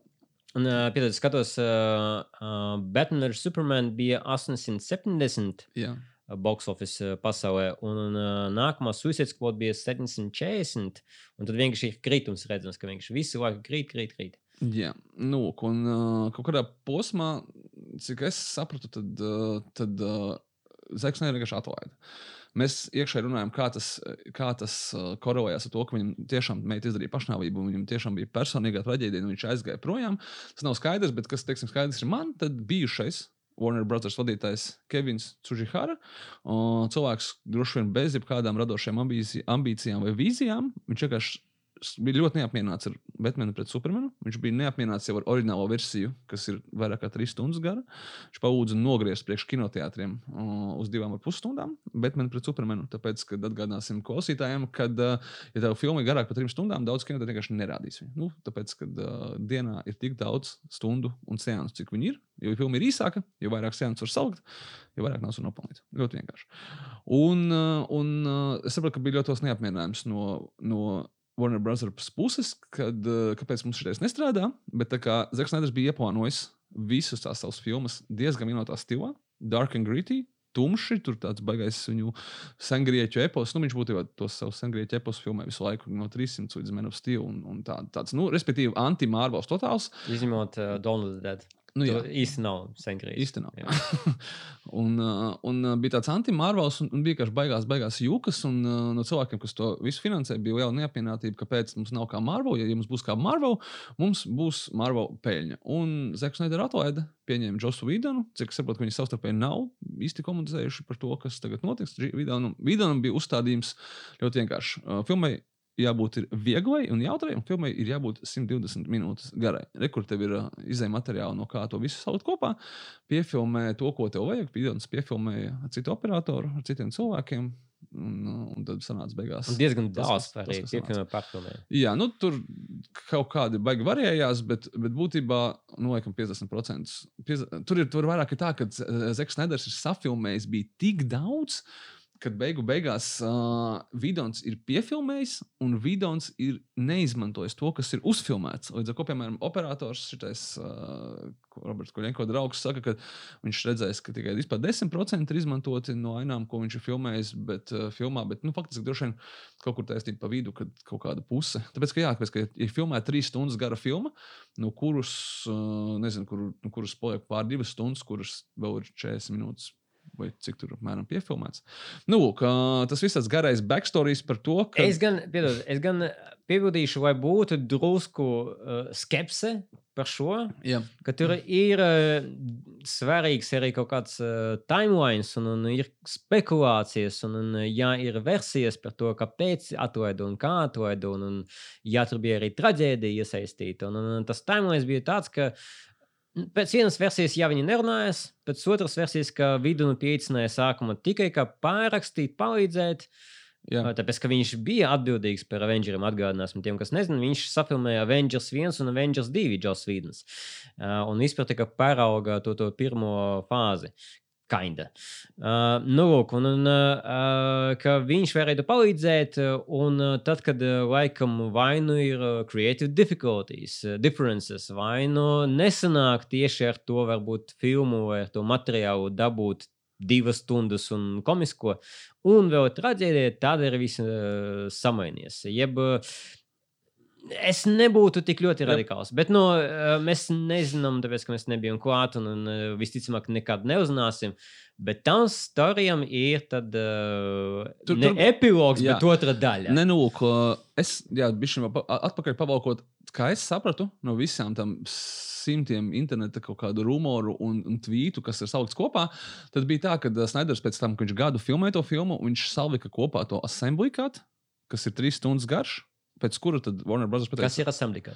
Assembly cut ir, ka tu safilmē visu, ko tu jāsafilmē, un samontē ko kopā, tā ka filmu var noskatīties, safilmē to materiālu, noskatīties no sākuma līdz beigām. Es domāju, ka tas ir labākais skaidrojums. Šajā gadījumā šis assembly cut noteikti bija skatāma filma, kur izstāsta stāstu no sākuma līdz beigām. Viņa esot bijis trīs stundas gara. Warner Brothers esat noskatījušies, sapratuši, ka tas ir vēl viens Batmans pret Supermanu, joprojām tumšs, tumšs, tur Nu, tieši- nav? Nu, tieši tas pats, tieši tas pats, kas jau bija iepriekš, un kas arī bija iecerēts, bet tas, ko viņi vairs nevēlas pēc atsauksmēm. Un tad viņi pieņēmuši to lēmumu, ka šitais nestrādā, un no šī cilvēka mēs vienkārši nevarēsim dabūt ārā neko citu vairs. Mums vajag kā fiksēties kaut kādā citādā veidā un piesaistot ārējos spēkus. Un te ir interesanti arī tas, ko tu minēji, ka viņi nominēja operatoru. Nu, skaidrs, ka režisors parasti strādā duetē ar savu operatoru, ar savu montāžas režisoru. Uh, strādā ļoti ilgi, un, un tādu piemēru daudz, teiksim, uh, spilgtākie ir uh, no, no filmām, tur ir Džordža Mīlas, Tarantino un Scorsese. Bet mm -hmm. punkts ir, uh, ka nominēja operatoru. Kurš pazīstams ar to, ka viņš filmē to tumšo ainu, ne tumšo ainu, tumšo sēriju Game of Thrones. Tas ir diezgan slavens. Keis Fabians, eh, es tagad eh, uzvārds eh, no galvas, bet uh, uh, nav brīnums, varbūt, tad, ka Justice League arī ir tumšs. Nu, Džekas stils kaida. Nu. Nu, jā, bet to Loksori Yes, short, uh, nu, mēs visi saprotam, ka Snaiders nepalika priecīgs par to visu nomaiņu, un ka viņš joprojām nav redzējis teātri kaut kādu, un viņš nekad viņu neskatīšoties. Un uh, tas to viņš ir pats personīgi teicis, un ka nu nav, viņam ir abīda palikusi, un kopš viņam ir palikusi. Atkal Asade, kas Jā, stāsta. Kopš viņam palika šī abīda, ka viņš nav realizējis to stāstu, ko viņš vēlējies realizēt. Tad ir piedzimis tas mīts par to, par to Snyder katu. Tāpēc, ka ir skaidrs, ka ja kaut kas iznāk un nav tāds, kā visi fani to gaida, tas nozīmē, ka ir kaut kādi tumšie spēki rīkojušies. Un kaut kur noteikti, ierietu. jā, un kaut kur noteikti ir tas īstais, īstais Snyder kats. Un tas viss tā būtu arī palicis, ja pēdējos divus gadus pats Snyders nebūtu visu laiku kaut kur pilinājis, ka tas Snyder ja tas eksistē. ir paticis, paradies mīts. Ne, ne vienkārši paradies mīts. Jā, nu, Zaks pielika roku. Nē, nē, sākumā man šeit bija fani, kas, kā, nu, protams, vienmēr aktivizējās, ka, hei, traileros tik daudz ainu, kas nav filmā, Jā. Kas tur noticis. Tas vienmēr tā ir. Tas nevienmēr tas ir slikti. Traileros ir dažādas B-rolls un tā tālāk. Un Tas ir- melo klāja. Jā, un- Tā kā Avengeros, teiksim, Jā. liek, tur sataisa speciāls kadrs, kur Halks ir redzams, bet Halks nemaz nav ainā. Nu, nu, jā, un tas viss. Un, uh, un pats Snyders sāk to pilnu, un tagad viņš esot rādījis to Jasonu. Kā, viņ, kā viņš pilina? Viņš, uh, viņš liek uh, savā sociālā tīklā Vero. Kas, Viņš ir vienīgais, kurš viņu izmanto. Jā. Viņš un viņa fani. Tas ir vienīgais iemesls, kāpēc viņš izmanto. Tāpēc, ka Zaks Snyder tev ir kadrs Un no, viņš no kadrus, Snyder un viņš vienkārši apgalvoja, saka, ka tas Snyder kāds eksistē, un viņš ir īsts, un viņš kaut kādā veidā viņa strādā. Es to īstenībā nesaprotu, tāpēc, ka Zaks Snyders ir algots darbinieks. Nu, kā cilvēki nolgoja studiju Warner Brothers, kur, kurai pieder filma un visas tiesības, kas mani tajā visā ārkārtīgi mūsina, kad uh, parasti, kad notiek tādas lietas, tad uh, zvana studijas jurists un saka, nu, tā kā, shut the fuck up. Nu, kad vienkārši beidz runāt lietas, kuras tev Un nepieder. Tu saņemsi mūsu dokumentus ar uh, tekstu šāda pakāpē. Nu, jā, un, un tā, un kad, nu, kad būs problēmas, nu, tas zina, ka būs juridisks problēmas, bet šajā gadījumā tas nenotiek. Warner Brothers to pieļauj kaut kādā veidā un ļauj viņam runāt visu laiku. un To, nu, es nesaprotu, kāpēc. Tāpēc, kad uh, Warner Brothers ir sliktā pusē tajā visā. Vienmēr fani vaino, ka sliktie Warneri, sliktie Warneri sagrieza filmu, atņēma vizionāram, neļāva pabeigt, un, uh, un viņš joprojām to dara. Viņš to nedara, kad tu rāda kaut kādiem saviem draugiem, kur Momoā un Benam gribu Affleckam. atnākt mājās, noskatīties Cut, man tepat blakus. Jā, kā, es nezinu, kādām tiesībām viņš to dara un, un kā tas ir, bet man ir aizdoms, ka tas viss kaut kāds, ja domāju, tad bija promo kampaņa, un, uh, un mēs to Snyder kā tur redzēsim, viņš visu laiku saka, viņš, ka viņš ir, ir viņš viņu turpina, jā, tur efekts kaut kāds pabeigt un tā. Nu, es nezinu. Te, te ir uh, pāris lietas. Pirmkārt, jā, tā kā iz, it kā izskatās, ka gandrīz viss ir pabeigts. Ieskaitot efektus, to arī Snaiders kaut kādā uh, Twitterī teica, saka, ka ka jā, tā, ir- pabeigt, pabeigt, jā. Kāpēc, kāpēc vajag to darīt? Tas ir tie 10 miljoni dolāru pabeigt. Nu, kā tas assembly, kāds ir salikts ainas puses. Animātika, uh, specifikta ainas vienmēr ļoti rūpīgā video spēlēm līdzīgā formātā. Galu galā, var uz, uzgooglēt, ir, uh, bija X-Men Origins Wolverine nopūdusi filma kādreiz ar visiem šiem nepabeigtiem Es efektiem. tieši tā arī viņu skatījos. Ļoti interesanti Nu, pieredze. Es, es teiksim, gribētu redzēt to Snyder katu, bet es saprotu, ka viņš nav. Nu, es, es nekad necerētu, ka viņš būtu pabeigts. Tāpēc, ka, nu, kāpēc? Tu?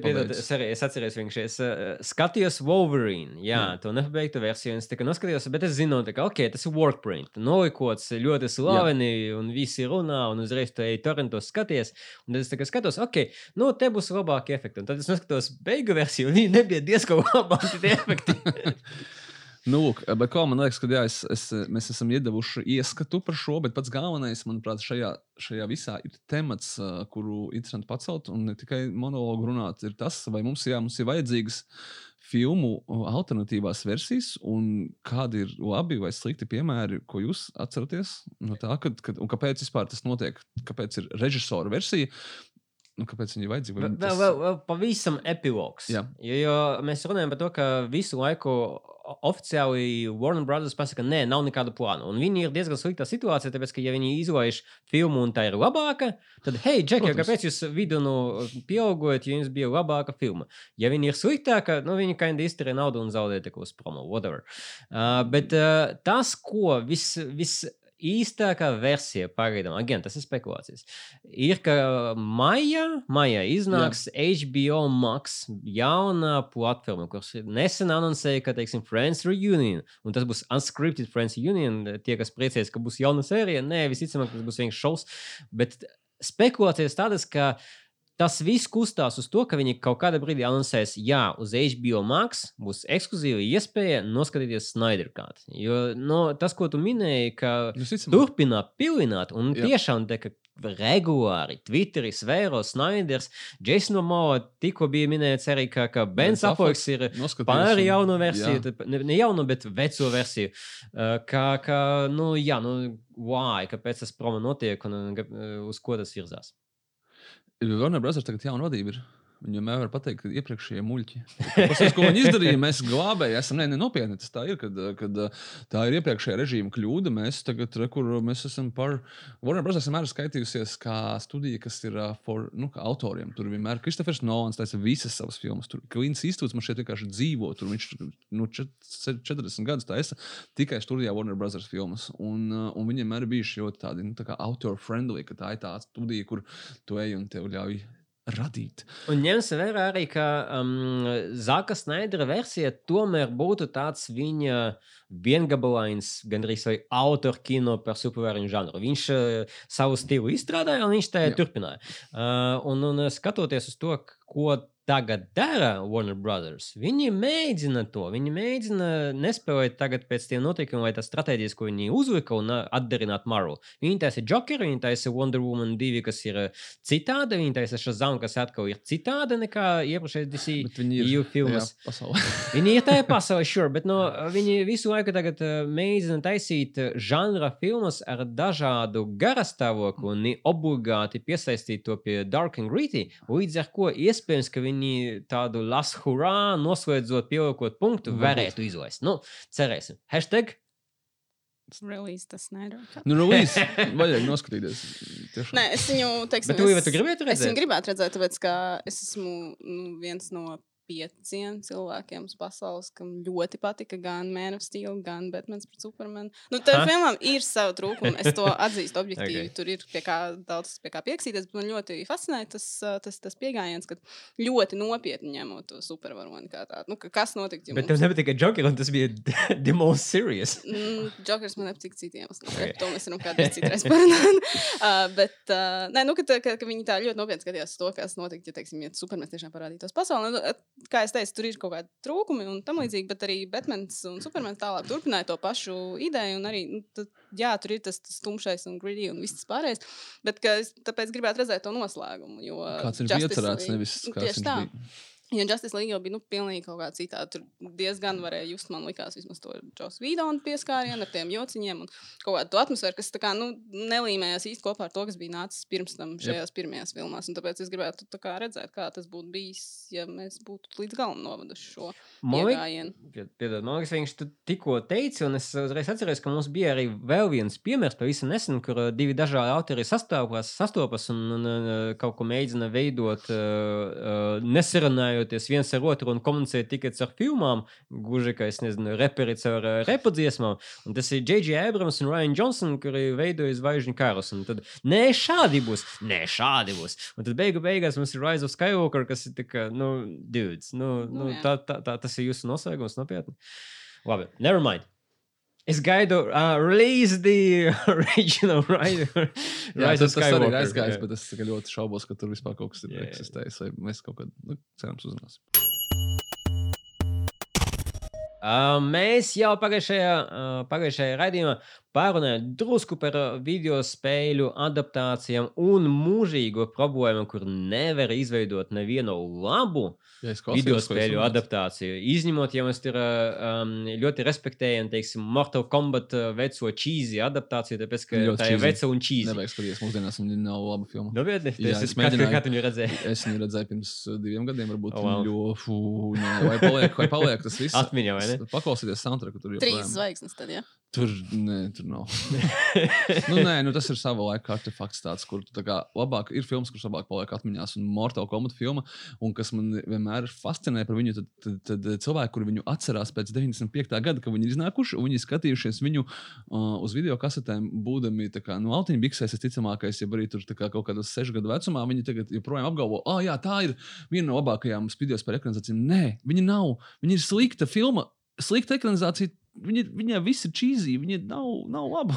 Bet man liekas, tas ir tāds, ka tu varbūt neesi pat viņu noskatījies, ka viņi Protams, ka atmiņā, neviens un tad tu nav vienkārši turies viņu. pie tās Jā, savas oriģinālās exactly, ilūzijas. Man liekas, exactly. katram ir kaut kāds tāds objektīvi ļoti slikts Nē, nu, films, kurš tev sirdī ir tuvs. Nē, nē, ši, šo, šis ir tas viens punkts, kur es tā kā publiski cīnīšos ar cilvēkiem, kad, va- ja tu gribi, noskaties vēlreiz, bet esi gatavs, ka bruks, bruks atmiņas, un tu sapratīsi, ka nav laba. Jo toreiz iznāca Mortal Kombat un Street Fighter, un varbūt pat Street Fighter būtu pastījies interesantāk, jo tas ir pilnīgākais trešs, tu tā kā smejies. Bet kombats palicis cilvēkiem labā atmiņā.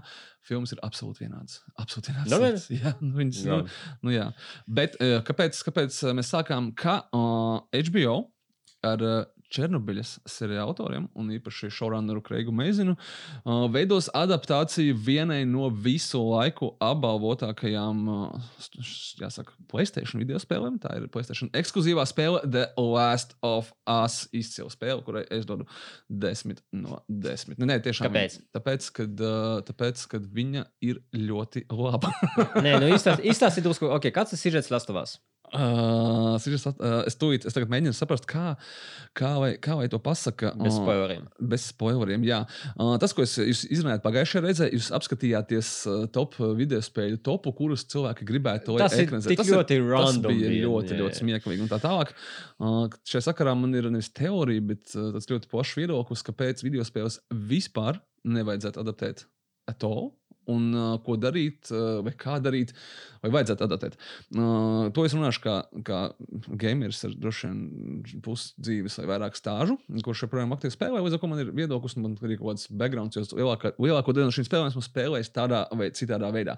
Uh, man arī bijis visu mūžu saskarsme teiksim, ar dažādu veidu fandomu un geekiem, kas saka, oh, my God! Es vienmēr nenormāli smējos par to, ka labākais režisors, piemēram, Half-Life ekranizācijai, James Camerons, un tā, nu, tādas fantāzijas, ko cilvēki saka, bet viņi lielākoties nesaprot vienu ļoti vienkāršu lietu.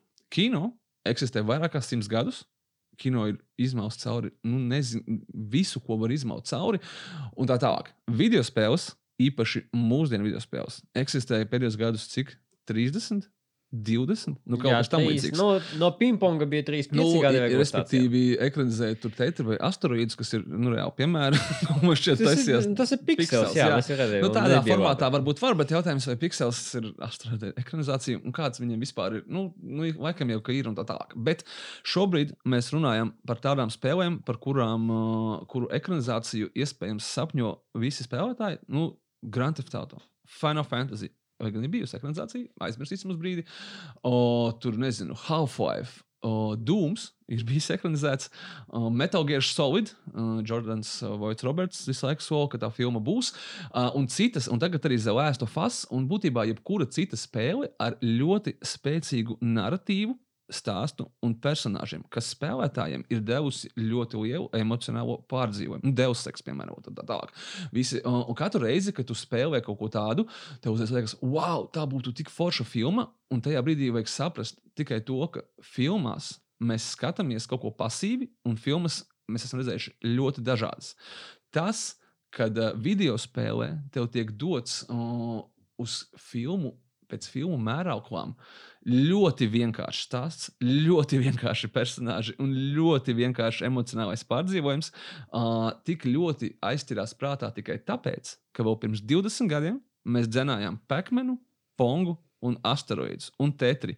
Un te pēkšņi, wow, wow, personāžs, wow, viņš ir gan nevis viendimensionāls, bet pat divdimensionāls. Un, wow, tā ir stāsts tā kā filmā. Man ir ļoti vienkāršs jautājums. O tieši priekš kam mums vajag filmu, kas būs balstīta uz video spēli, kuras stāsts, un tagad es runāju par visām savām iemīļotākajām spēlēm, ir labākajā gadījumā viduvējs filmas līmenī. Nu, nav tie ne Godfather, nu, nav tas ne Shawshank Redemption, nu, nav tas nekāds. Tas vienkārši Tāpēc, ka Cilvēkiem vienkārši vienkārši- tikai Shawshank Redemption un Nu, Godfather? nē, nē, tikai tāpēc, ka cilvēki spēlē, un pēkšņi viņu spēle dod. Uh, spēle ir interaktīva, filma ir pasīva. Un tie, pē, pēkšņi interaktīvā mēdījā tev ir stāsts, kurš vienkārši ir. Un te es gribētu citēt uh, spēles oriģinālā dūma uh, veidotāju Džonu Karmaku, kurš savukārt teica, ka video spēlēm sižets ir vajadzīgs tieši tikpat, cik porno filmām. Nu, tas bija, tā bija viņa 95. gada pieeja. Uh, un tagad pēkšņi tas sižets ir.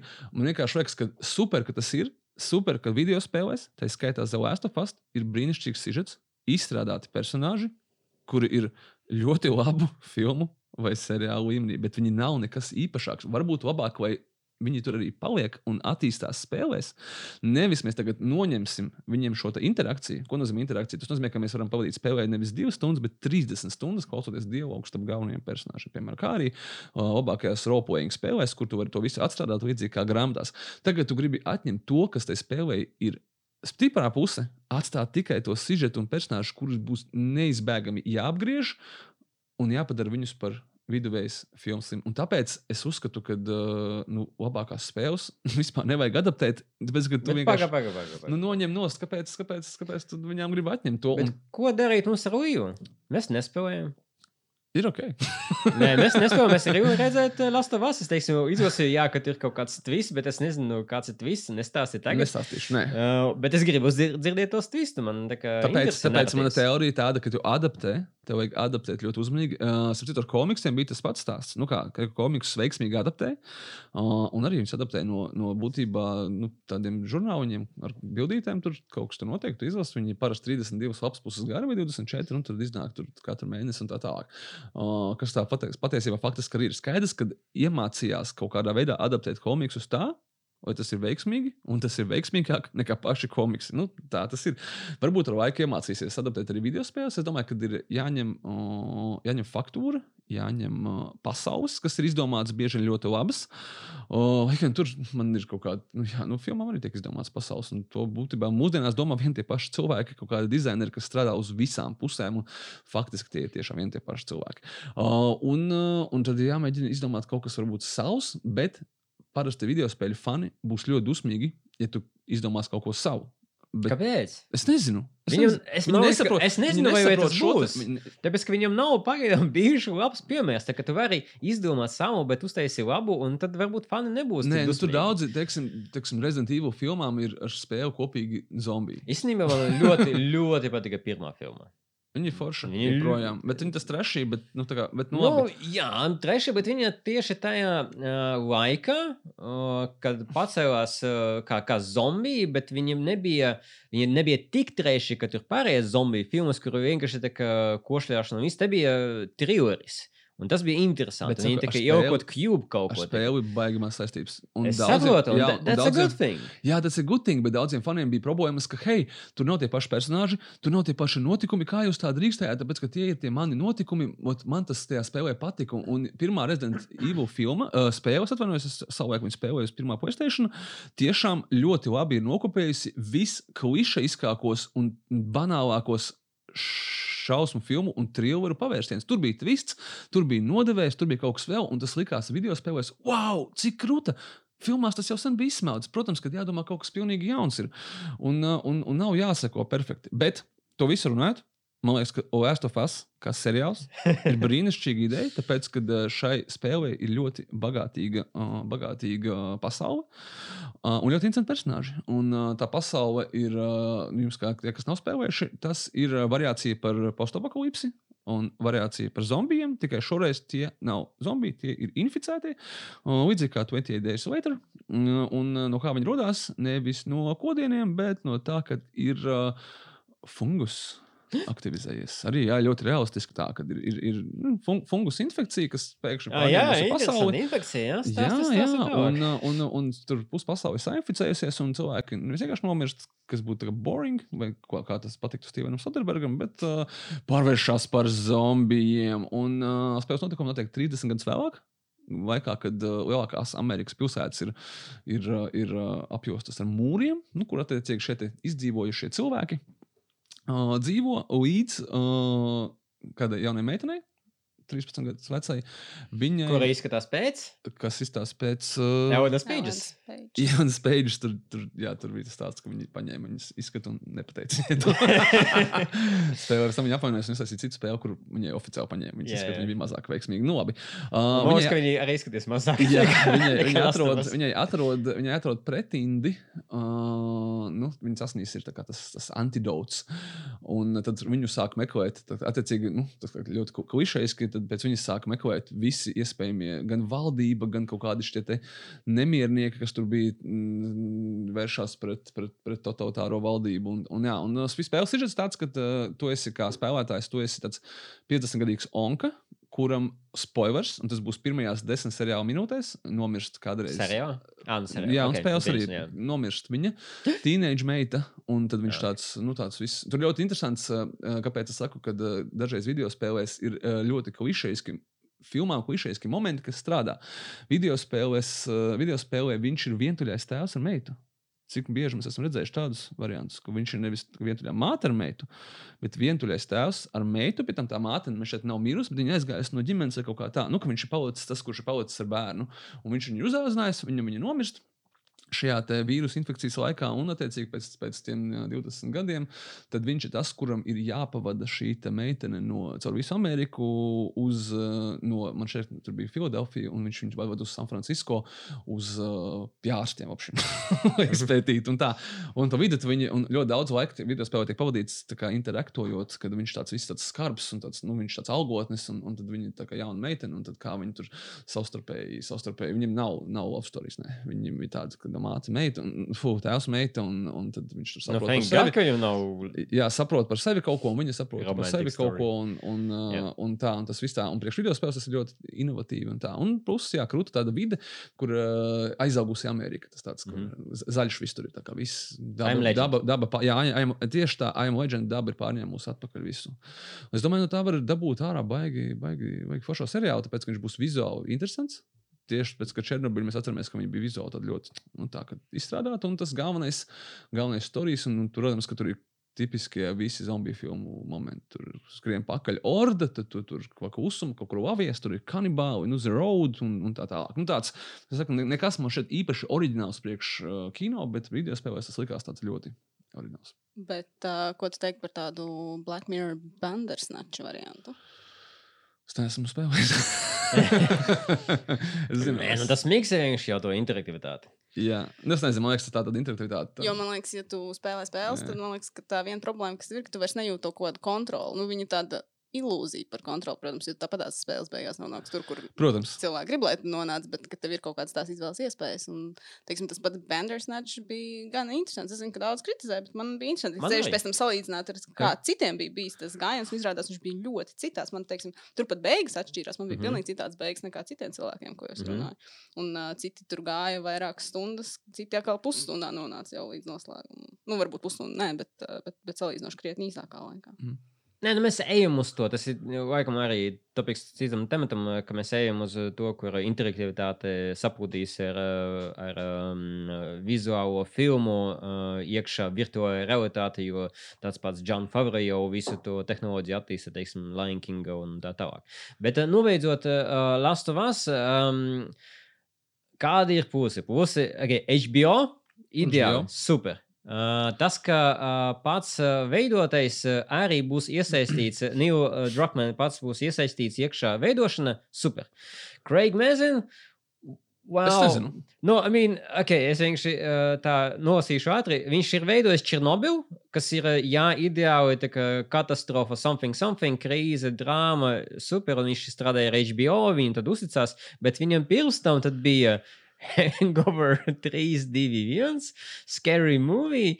So, um, tad pagaidām šis ir ļoti, Es- ļoti es bright viņš, spot. ir- es domāju, ka viņš ir brands. Jā, tā kā viņam jādod vēl iespēja saprast, ko viņš, ko viņš darīs. Jo viņš ir, nu, jā, tas varbūt Černobyl ir bijis tāds nu, veiksmīgs. Bet, zinu, ko es atceros kontekstā ar šo visu, kad uh, nesenais ar Alice Vikanderi Tomb Raider filma Jā. ir ļoti labs piemērs, kāpēc man liekas, ka uh, tas nestrādā.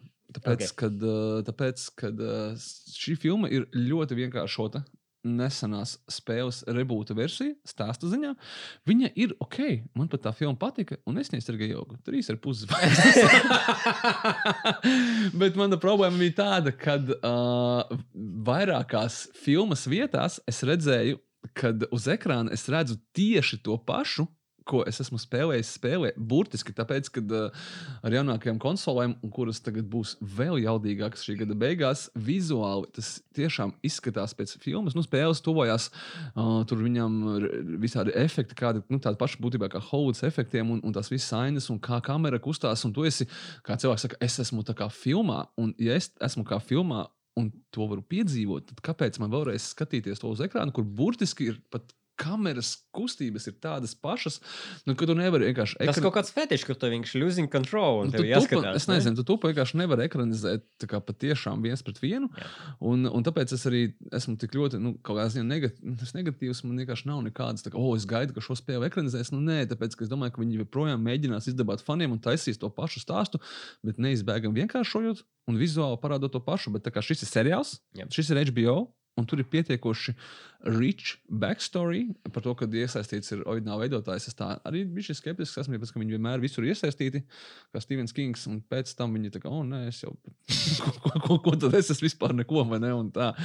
Un, uh, nu, vienkārši, nu, jā, nu, ir. Uh, es domāju, ka būs. Es domāju, ka būs, varētu būt forši, bet, uh, bet uh, varbūt, kad ir forši, ka, jā, ka šo stāstu iepazīsies cilvēki, kas to spēli nekad nespēlēs. Es nedomāju, ka tur vajag obligāti meklēt kaut kādus linkus un sinerģiju un tā Mhm. tālāk.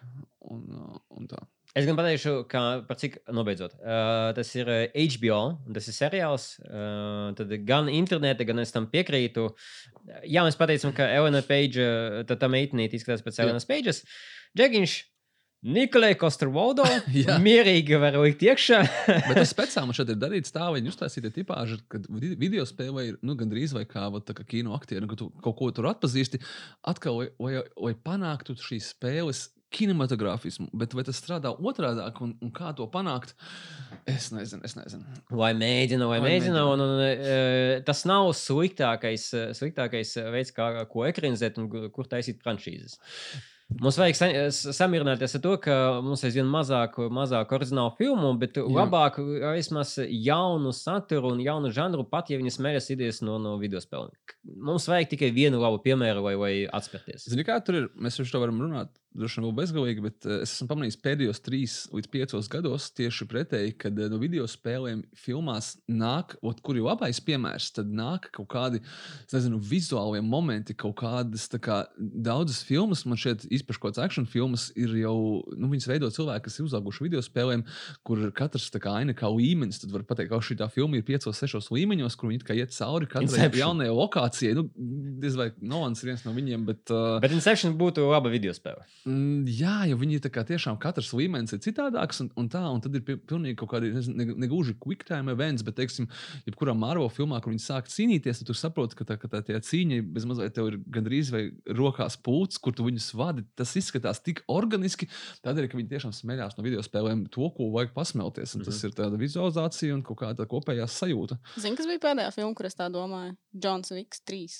Kur viņi tā kā Jā, tur bija reāli līmeņi. Tu ienāc iekšā Jā. līmenī, kur ir stik, stikla māja. Tu saproti, ka vienīgais iemesls ir, ka vairs šīs tie stikli neviens tādā mājā nedzīvo. Viņš vispirms tur samačīja vienus tos pakalpiņus, tad drusku krūtāks pakalpiņus un beigās tad Un boss. tur, jā, un tur bija tas līmenis tūkstnesī, un tad bija līmenis ar zirgu un ar motociklu. Un, nu, tā kā viss, viss pēc video spēles. Nu, jā, nu, man liekas, ka video spēļu ekranizāciju būtība slēpjas kaut kādā tādā filmā, kas ir to sajūtu nodod. Līdzīgi kā ar komiksiem, ka tu nodod to, to visu sajūtu. Nevis, ka tu vienkārši brutāli ņem to stāstu, kurš, kā jau sākumā minēju, tie stāsti ir ļoti triviāli. Video spēlēs viņi vienkārši strādā, tāpēc, ka tu viņos piedalies. Tas ir forši, tas rada patīkamu sajūtu, ka, hei, es kā spēlēju filmā, bet vai tas otrādi nu, don't think so. Es saprotu, vēl viens arī piemērs, kur tu jūti, ka tev trūkst pults. Hardcore Henry, kur tu skaties, jā, kā izfilmā būtu Jā. feini, un viņam ir mūzikas klipi, kur tas ir uh, izveidots, bet kā filma, tā kā, nu, dude, nu, es, es, es ietu citu Es koridoru. mēģinu Okay? atcerēties, kas vēl ir bijis. Un kaut kādas katru reizi, kad tādu filmu noskaties pēdējos gadu laikā, kā domā, o, šī ir perfektā video spēles ekranizācija Edge of Tomorrow. Nē, nu, tā, tā ir Nu, gan. labi, tā ir. Nu, nu, jā, nu, Respawn, jā, jā. nu, tu, okay.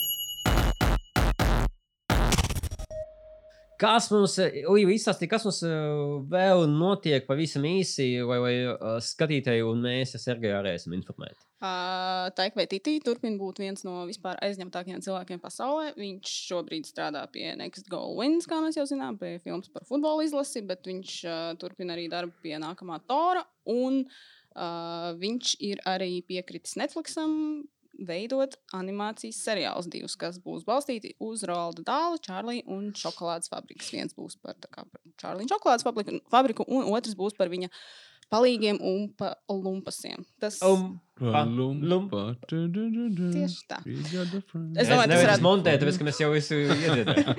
Es domāju, ka tas varētu būt diezgan interesanti, jo, ja mēs paskatāmies uz tiem lumpastiem, lumpastiem tur ir tāds koloniālisms un tād, nu, tādas, tādas interesantas idejas no, varbūt no tāda rasisma punkta. Ja mēs skatāmies, un tad būs interesanti vienkārši, ko tā ir vai titī. Animācijas seriāls no Netflix. Jā, nu, interesanti būs, ko tieši ko tā ir vai titī spēs ar to izdarīt, jo, nu, ja viņš varēja Hitleru atainot tā interesants, tad kāpēc ne?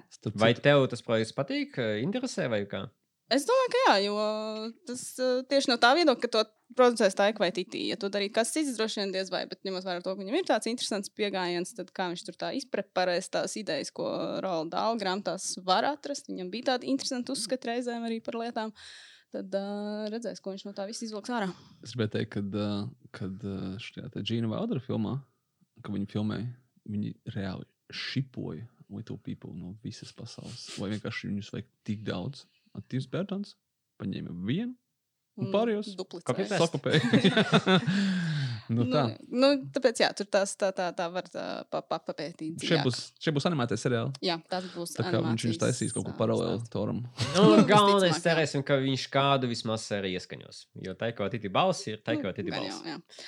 Uh, Netflixā arī animācijas jomā mūs gaida kaut kas jauns no Tīnas Vejas, kura veidos uh, arī animācijas seriālu Maligan, kas stāstīs par uh, apokaliptisku vīziju, kas noticis ar cilvēci pēc tam, kad mūs ir iekarojuši citplanētieši. Bet, nu, neizklausās, ka es nedomāju, ka tā kā tā ir Tīna Veja, tas būs kaut kas ļoti drūms, un drīzāk tas būs kaut kas tāds asprātīgs un feins.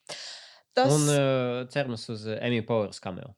Obligāti. Jā. Un Rachel Dračs un viss pārējais, un Maija Rudolfa. Please. Viss, viss. Uh, tas ir tas, kas mums gaida Netflixā, bet uh, vēl īsi par Taiku vai Titī. Uh, mums viņas dīzels ir pačukstējis priekšā, ka gaidāmajā Torā 4 būs redzami arī kādi, viņš neteica vai visi, bet daži Un Jautājums, kuri? Primarily. Jā, Guardians of the Galaxy. Uh, nu, ja, spoileri Endgame, ja jūs redzējāt viņu, tad beigās uh, Guardians tā kā palika kopā ar Toru. Tāpēc tas jautājums nav atrisināts, vai viņi tālāk devās visi kopā, vai kas tur notika un ko. Un cerams, ka tad Taika vai Titī mums atbildēs uz šo jautājumu. Un izskatās, ka daži būs viņam vismaz paķērušies līdz no Guardians. Es ļoti gaidu Rocket Raccoon un uh, reunion. Tas tas Nu, labākais viņiem pagaidu, kas ir noticis. Tur būs Kristians Bēls. Arī jā. Batman? Nu, lūk, un vēl tā pavisam īsi. Pagājušajā raidījumā mēs diezgan daudz runājām par The Invisible Man, par jauno Universal izbijušā Dark Universe filmu, kas vairs nav nekāds Dark Universe, bet uh, Blumhouse turpina darbu. Viņiem jau tagad padomā ir arī filma par Drakulu. Uh, to veidos režisore Kerina, Kerina Kusama. un Viņai ir bijušas tādas filmas kā Destroyer, The Invitation un Jennifer's Bodies. Tādu vēl atceraties? Mhm. Jā. Diablo Cody. Hello. Jā, un, uh, jā, un viņa tad mēģinās uztaisīt kaut ko no Drakulas, droši vien tādā pašā tipiskā mazbudžeta Blumhouse stilā, un cerams, ka ar tikpat veiksmīgiem panākumiem kā The Invisible Man. Nu, cerams, ka nebūs kā tas Drako, kas bija tikko no BBC, kas bija fantastiski izklaidējošs mistēp. Man ļoti patika, bet nu, pilnīgs sviests, protams. Divi no pieciem skatīšos vēl. Nekad neskatīšos, bet tā kā I had so much fun. Uh, vēl uh, pavisam īsi ziņa, paturpinot pavisam īsi lozungu. Uh, James Van arī producēja kādu no Monster movies, uh, jeb Dark Universe rebooted uh, filmām. Uh, un uh, izskatās, ka Dark Universe veidotāji, jeb Universal saprata savu kļūdu, ka, hei, cilvēki skatījās tas uh, uh, monstru filmas oriģināls, tāpēc, ka viņas bija baisas. To mēs aizmirsām filmu The Mummy. Uh, un tagad viņi mēģina taisīt uh, trillerus un šausmu filmas. Un, un uh, good for them, James Vons taisīs kinda versiju uz Frankensteina, kur ir uh, tīņi, un viņi at, uh, sameklēja, uzzina, ka, ka blakus kaimiņos uh, Džekiņš taisa uh, monstru. Nu, lūk, un, Tikko jau bija Frankensteins ar Danielu Redcliffe un Jamesu Makavoju. Jā, tu to domā. Es biju domājis, uh, Frankensteins uh, Swiss Army Man, kur Daniels Sekos. arī, arī tas bija to Frankensteins. ir vērts noskatīties. Kāpēc es laiku turpināt saukt to par Dark Universe? Dark Universe? Jūs visu laiku kultivējat to nosaukumu, kuru jau vairs pat Nu, Tāpēc, vairs tāpēc ka šo kauna trauku nedrīkst ļaut aizmirst cilvēkiem. Tu iemācies no kļūdām, ka it's tu atceries kļūdas. Tā nav Vai- nekāda Dark Universe vairs. Es teiktu, Dark Universe man liekas, ka kā nosaukums ir catchy. It's Universal, Dark Universe. Viņš tas ir nebūs. labs nosaukums. Jau žēl. Eh. Mēs vienkārši mēs kaisam sāli brūcēs. Jā. Tam krūzam. Monster movies. Nē, nu, Javieram sa- visvairāk. salīdzini. Dark Universe un. Monster movies. Nu.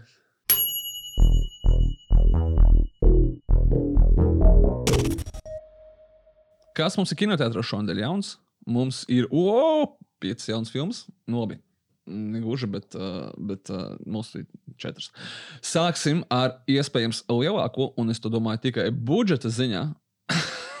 filmu, un atkal ir vi- mūsu draugs Vins Dīzels. Pirmo, ne pirmo reizi, bet reto reizi parādās filmā, kas nav Fast and Furious vai kas nav Rīdika Kronikas kaut kādā veidā, uh, bet uh, gan iest, grib iestartēt savu jaunu franšīzi, kas iespējams pelnīs šim. Bet vai nav tā, ka viņa 50 karjera sastāv no es gribu Jā. iestartēt jaunu Jā, franšīzi? karjerā tieši sastāv no tā, un uh, kas varbūt nesīs šim 50 gadus vecajam aktierim, nu, vēl kaut kādas naudiņas, bet uh, nu, mēs neesam redzējuši šo filmu.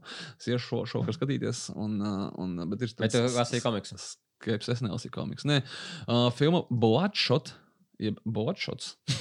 Tik ļoti vienkārši latviešu tulkojumu ir balstīta uz komiksu, un viņi grib iestartēt jaunu komiksu universu. Šoreiz tas ir.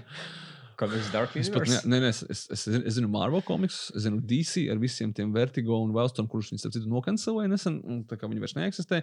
Un šis, laikam, šis nav image komiks, šitais ir Valiant. Valiant komiks. Es atvainojos visiem faniem, bet nu, tā kā nevar paturēt visas tās izdevniecības. Un viens no Valiant komiksu mm, populārākajiem var- varoņiem ir šis Bloodshot. Uh, mm, cik mēs cik filmā paliks no komiksa, atkal mēs nevaram īsti pateikt, bet mēs zinām to, ka filmā viņas dīzels tēlos kareivi, kurš ir laikam nomiris, un tad viņš tiek atdzīvināts ar nanotehnoloģijām. Kā? Frankensteins. Kā Rīgas nanoūdens. Tūtam, tūtam. Again, memory water. Šeit būtu ideāla vieta vienkārši reklamēt, ka, nu, hello, at kinokūts LV, mēs izskatīsim visus variantus. Neobligāti atbildēsim, kā vienmēr, bet nu, izskatīsim noteikti. Uh, lūk, sašpricēts ar nanobotiem. 50-gadīgais viņas dīzels, kurš uz filmas plakātiem ir manāmi nofotošopēts. Es domāju, uz tā kā nu, slaidāku momentu. Tas, tas ir šaimīgs, tāpēc, ka uz mēs, mi- 40 gadiem. mēs mīlam viņu dīzeli, jā, 45. un, un retušēts ļoti, tāds ļoti viss svaigs un jauns. Uh, tad viņš tā kā atdzīvojās, un tad viņš, protams, iet krušiķi, mačiķi visu apkārt un pamazām atcerās to backstoriju, kas tad viņu ir nogalinājis un kāpēc. To mēs varam arī atrast trailerī. Filmas. Nu, redzēsim, redzēsim, kā viņam sokās. uh, Vai tas būs jauns frančīzes sākums vai nē. Nu, grūti pateikt. Mūsdienās tie supervaroņi tomēr ir ļoti daudz, un cilvēki jau manāmi sāk tomēr ne- nevis nogurt, bet vairāk slēgties, ka, hei, es turpināšu sekot Marvelam, bet pārējie varbūt nepārāk arī interesē. Uh, pāriesim uzreiz tālāk pie otrā šīs daļas jaunuma filmas Jaga Kašmāra Čomnova Liesa. Kāpēc nosaukuma varat saprast to? Tad tā ir šausmu filma no Krievijas. Nē, pagaidi, tas nav Džona Vika 4. daļa. Jā, tā kā Baba Jāga. Uh, Baba Jāga ir, ir tagad tie dažādi. Šīs nebūs par Džonu Viku. Es īstenībā veicu mājas darbu, bet es īstenībā sekoju šo filmu autoriem jau kādu labu laiku. Un šo filmu autori, nu, nav īsti būtiski, kā viņiem vārdu uzvārdi, uh, ir uh, izbrīvējuši kaut kādu savu Man nišu. tā izklausās, ka maisa darbs nav līdz galam izpildījis. ir, ir, ir uzbū- uzbūvējuši savu nišu. Es saprotu, ka šitie, šie cilvēki ir tādi kā Krievijas bumhausi. Viņi taisa mm. -hmm. regulāri un ļoti, laikam, jau pelnoši. šie- Viņas ir tik daudz. Ša, krievu šausmu filmas, kurās viņi adaptē sen, kaut kādas krievu, ne, bet slāvu folkloru. Pie tam viņi to dara vienmēr mūsdienās.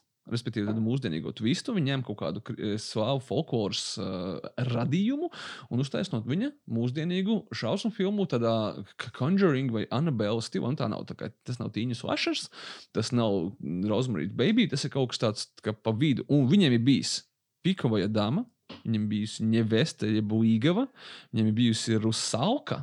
Un tagad viņiem ir jāga. Un tu zini, kas būs Jaga. jāga. Un šogad viņiem būs iespējams visu laiku labākā šausmu filma no viņu pūles, tāpēc, ka viņi būs pievērsušies Krievijai tik ļoti aktuālai zīlnieču tēmai. Dam, dam, dam. Kā, uh, jā, es izstāstīšu uh, par to viņu jauno filmu. Tas Paga- likās daudz, daudz satrauc- satraucošāk. Es tikai ā, gribu papildināt, tas nav no pašiem tiem pašiem veidotājiem, bet labākais, kas iznāca no šī trenda, ir uh, otra daļa Vīja. Kas ir kaida ne, nav Kas nav vairs par tik ļoti šausmu filmu, un nav par vīju, bet ir Džekija Čans pret Arnoldu Švarcnegeru. That's good. Zini, kas tur nav? Vi- Norris? Vīs. Jā, Vijs, nu jā, nu, sīkums, come on. nosaukumā vairs nav. Nu, lūk, man liekas, ka tajā, tajā jaunajā viņu, tā kā tajā gaišaģu filmā bija brīnišķīgs izlasīts sinopsi, ka viņi, nu, kā tiešām štancē viena pēc otras viņas, un, un, un tur ir stāsts par kādu, kādu jaunu meiteni, jaunu meiteni ar, ar bērnu, un viņas, laikam jau ci- civilu vīru, kurš viņas aiziet prom. Ko viņi dara? Nevis izvērtē savas attiecības, nevis izvērtē, ko viņi darīja nepareizi, nevis padomā, ka tas džeks ir bijis kretīns, ka viņš ir aizgājis prom pie citas un atstājis viņu ar jaunu bērnu, bet viņi iet pie zīlnieces un uh, piebūr viņu atpakaļ. Tā Pilnīgi Tā ir mana otra opcija, jā, jā. Jā, jā, viss vis, vis racionālākā veiksmīgākā nu, rīcība ir pieburbt eh, mīļoto atpakaļ. Nu, skaidrs, ka viņš aizgājis vienkārši kā muļķis prom, bet nu, šī būs pareizā rīcība. Uh, un viņa viņu piebūra atpakaļ, viņš atgriežas pie viņas, un viss ir ļoti mīlošs, pat pārāk mīlošs uz fanātismu bāzes. Un tad viņš nomirst kaut kādā negadījumā un turpina būt ļoti mīlošs. Tā kā es uzreiz domāju, es šito, es šito gribu redzēt, tāpēc ka tas tik ļoti aktuāli arī mums ir visādi zīlnieku saloni, kur palīdzēs.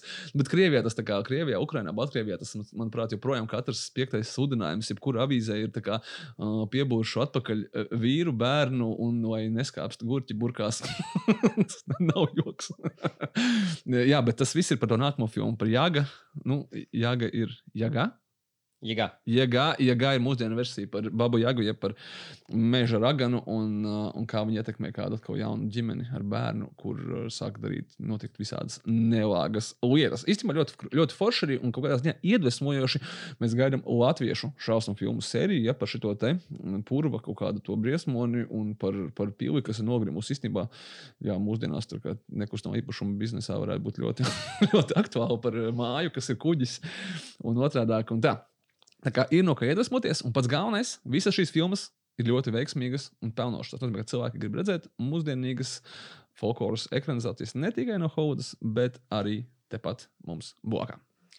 Uh, tad, paturpinot pavisam aši vēl, kas vēl mums šodien gaida kinoteātros, arī romantiskā filma I Still Believe, jeb Tici mīlestībai, kas stāsta par kristiešu mūziķi Jeremiju Kempu. Tā ir balstīts patiesiem notikumiem, un par uh, viņa sievu. Uh, filmā galvenajā lomā redzams KJ Apa, kas būs vārds, kas kaut ko izteiks tiem, kas fano par seriālu Riverdale. Ja nefanojat, tad droši vien Sergei, mazāk. tu fano?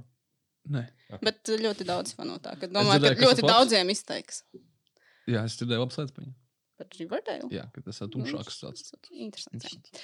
Uh, tas ir uh, viens jaunums, vēl viens arī, kas ir atpakaļ. Ir mūsu visu draugs Xavier Dolans ar savu jaunāko filmu Matijas un Maksims, kas stāsta par bijušiem labākajiem draugiem, kuri, nu, protams, vēlāk situācija sarežģās, un tad viņiem tur jāmeklē sevi dvēseli un tam līdzīgi. Nu, kā jau uh, Dolans filmās tas ir ierasts. Uh, viņam kaut kā pēdējā laikā, nu, tā nevisai iet, viņš iznāk tā kā tā plikš, plikšārā.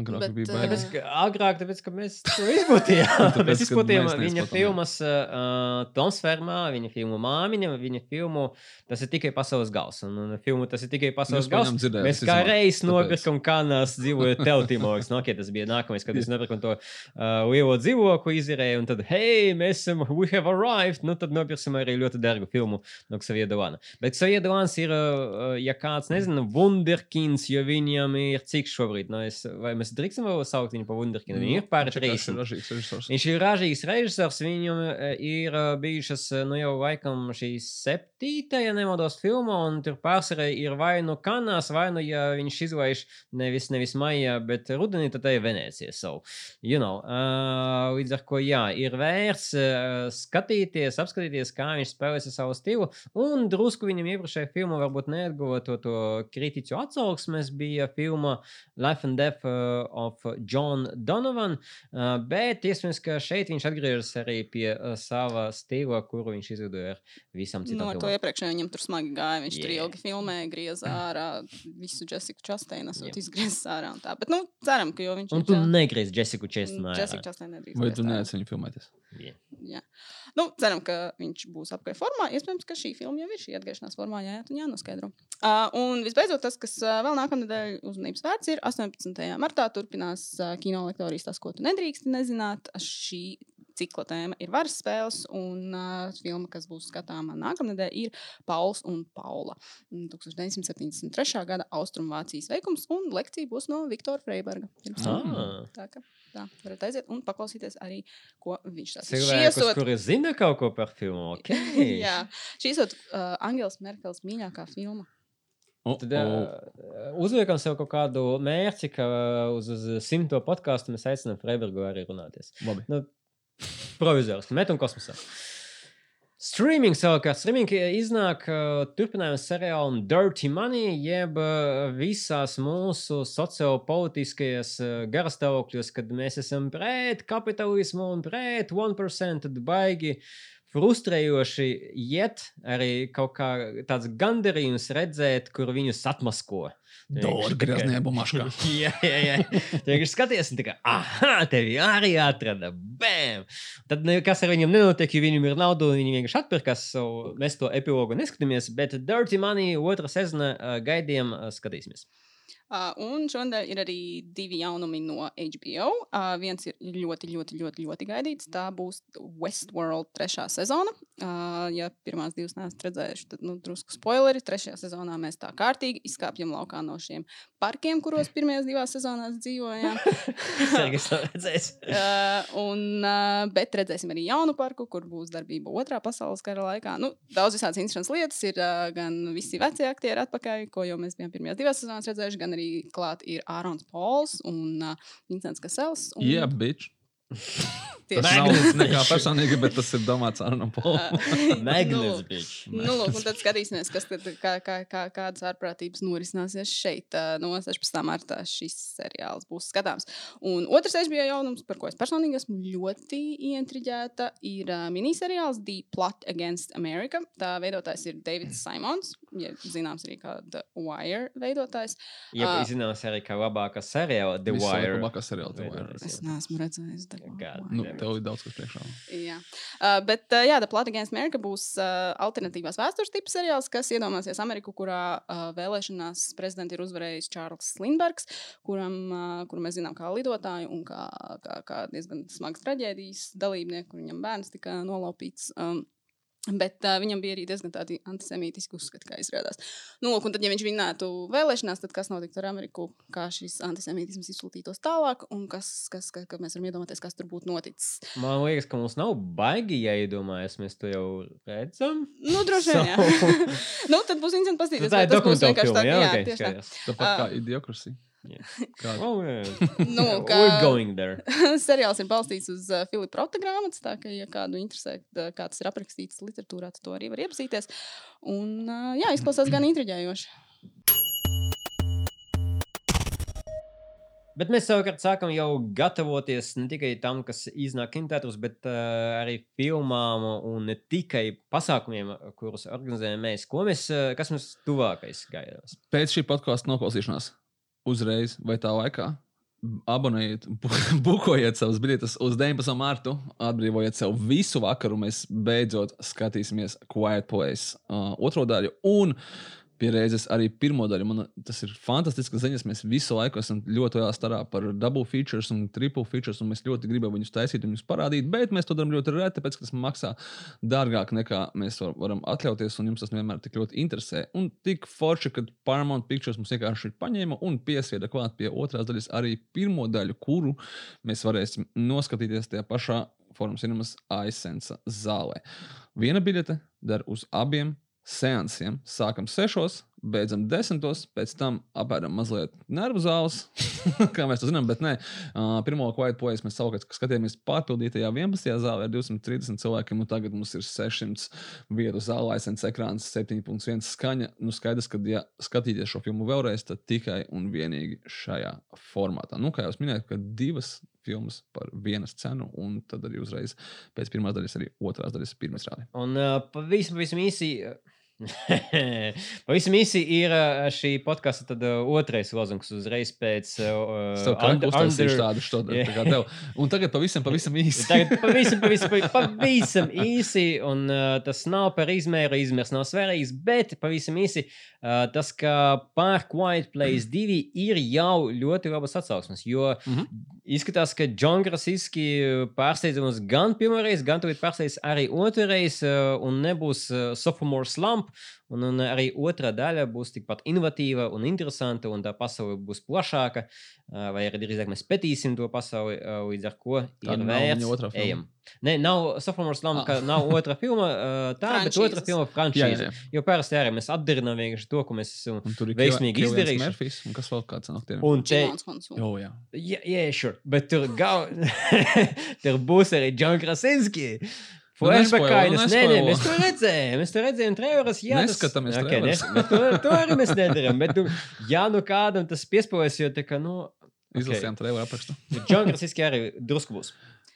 Nu, lūk, un ja vajag pēc tam pēc Quiet Place nomierināt nervus nedaudz, tad mums ir piedāvājums to darīt. Parks and Recreation Viktorīnā atgādinām, ka droši varat vēl pieteikties. Uh, Viktorīnā 21. un 22. martā uh, notiks uh, Zuzeuma mākslas centrā.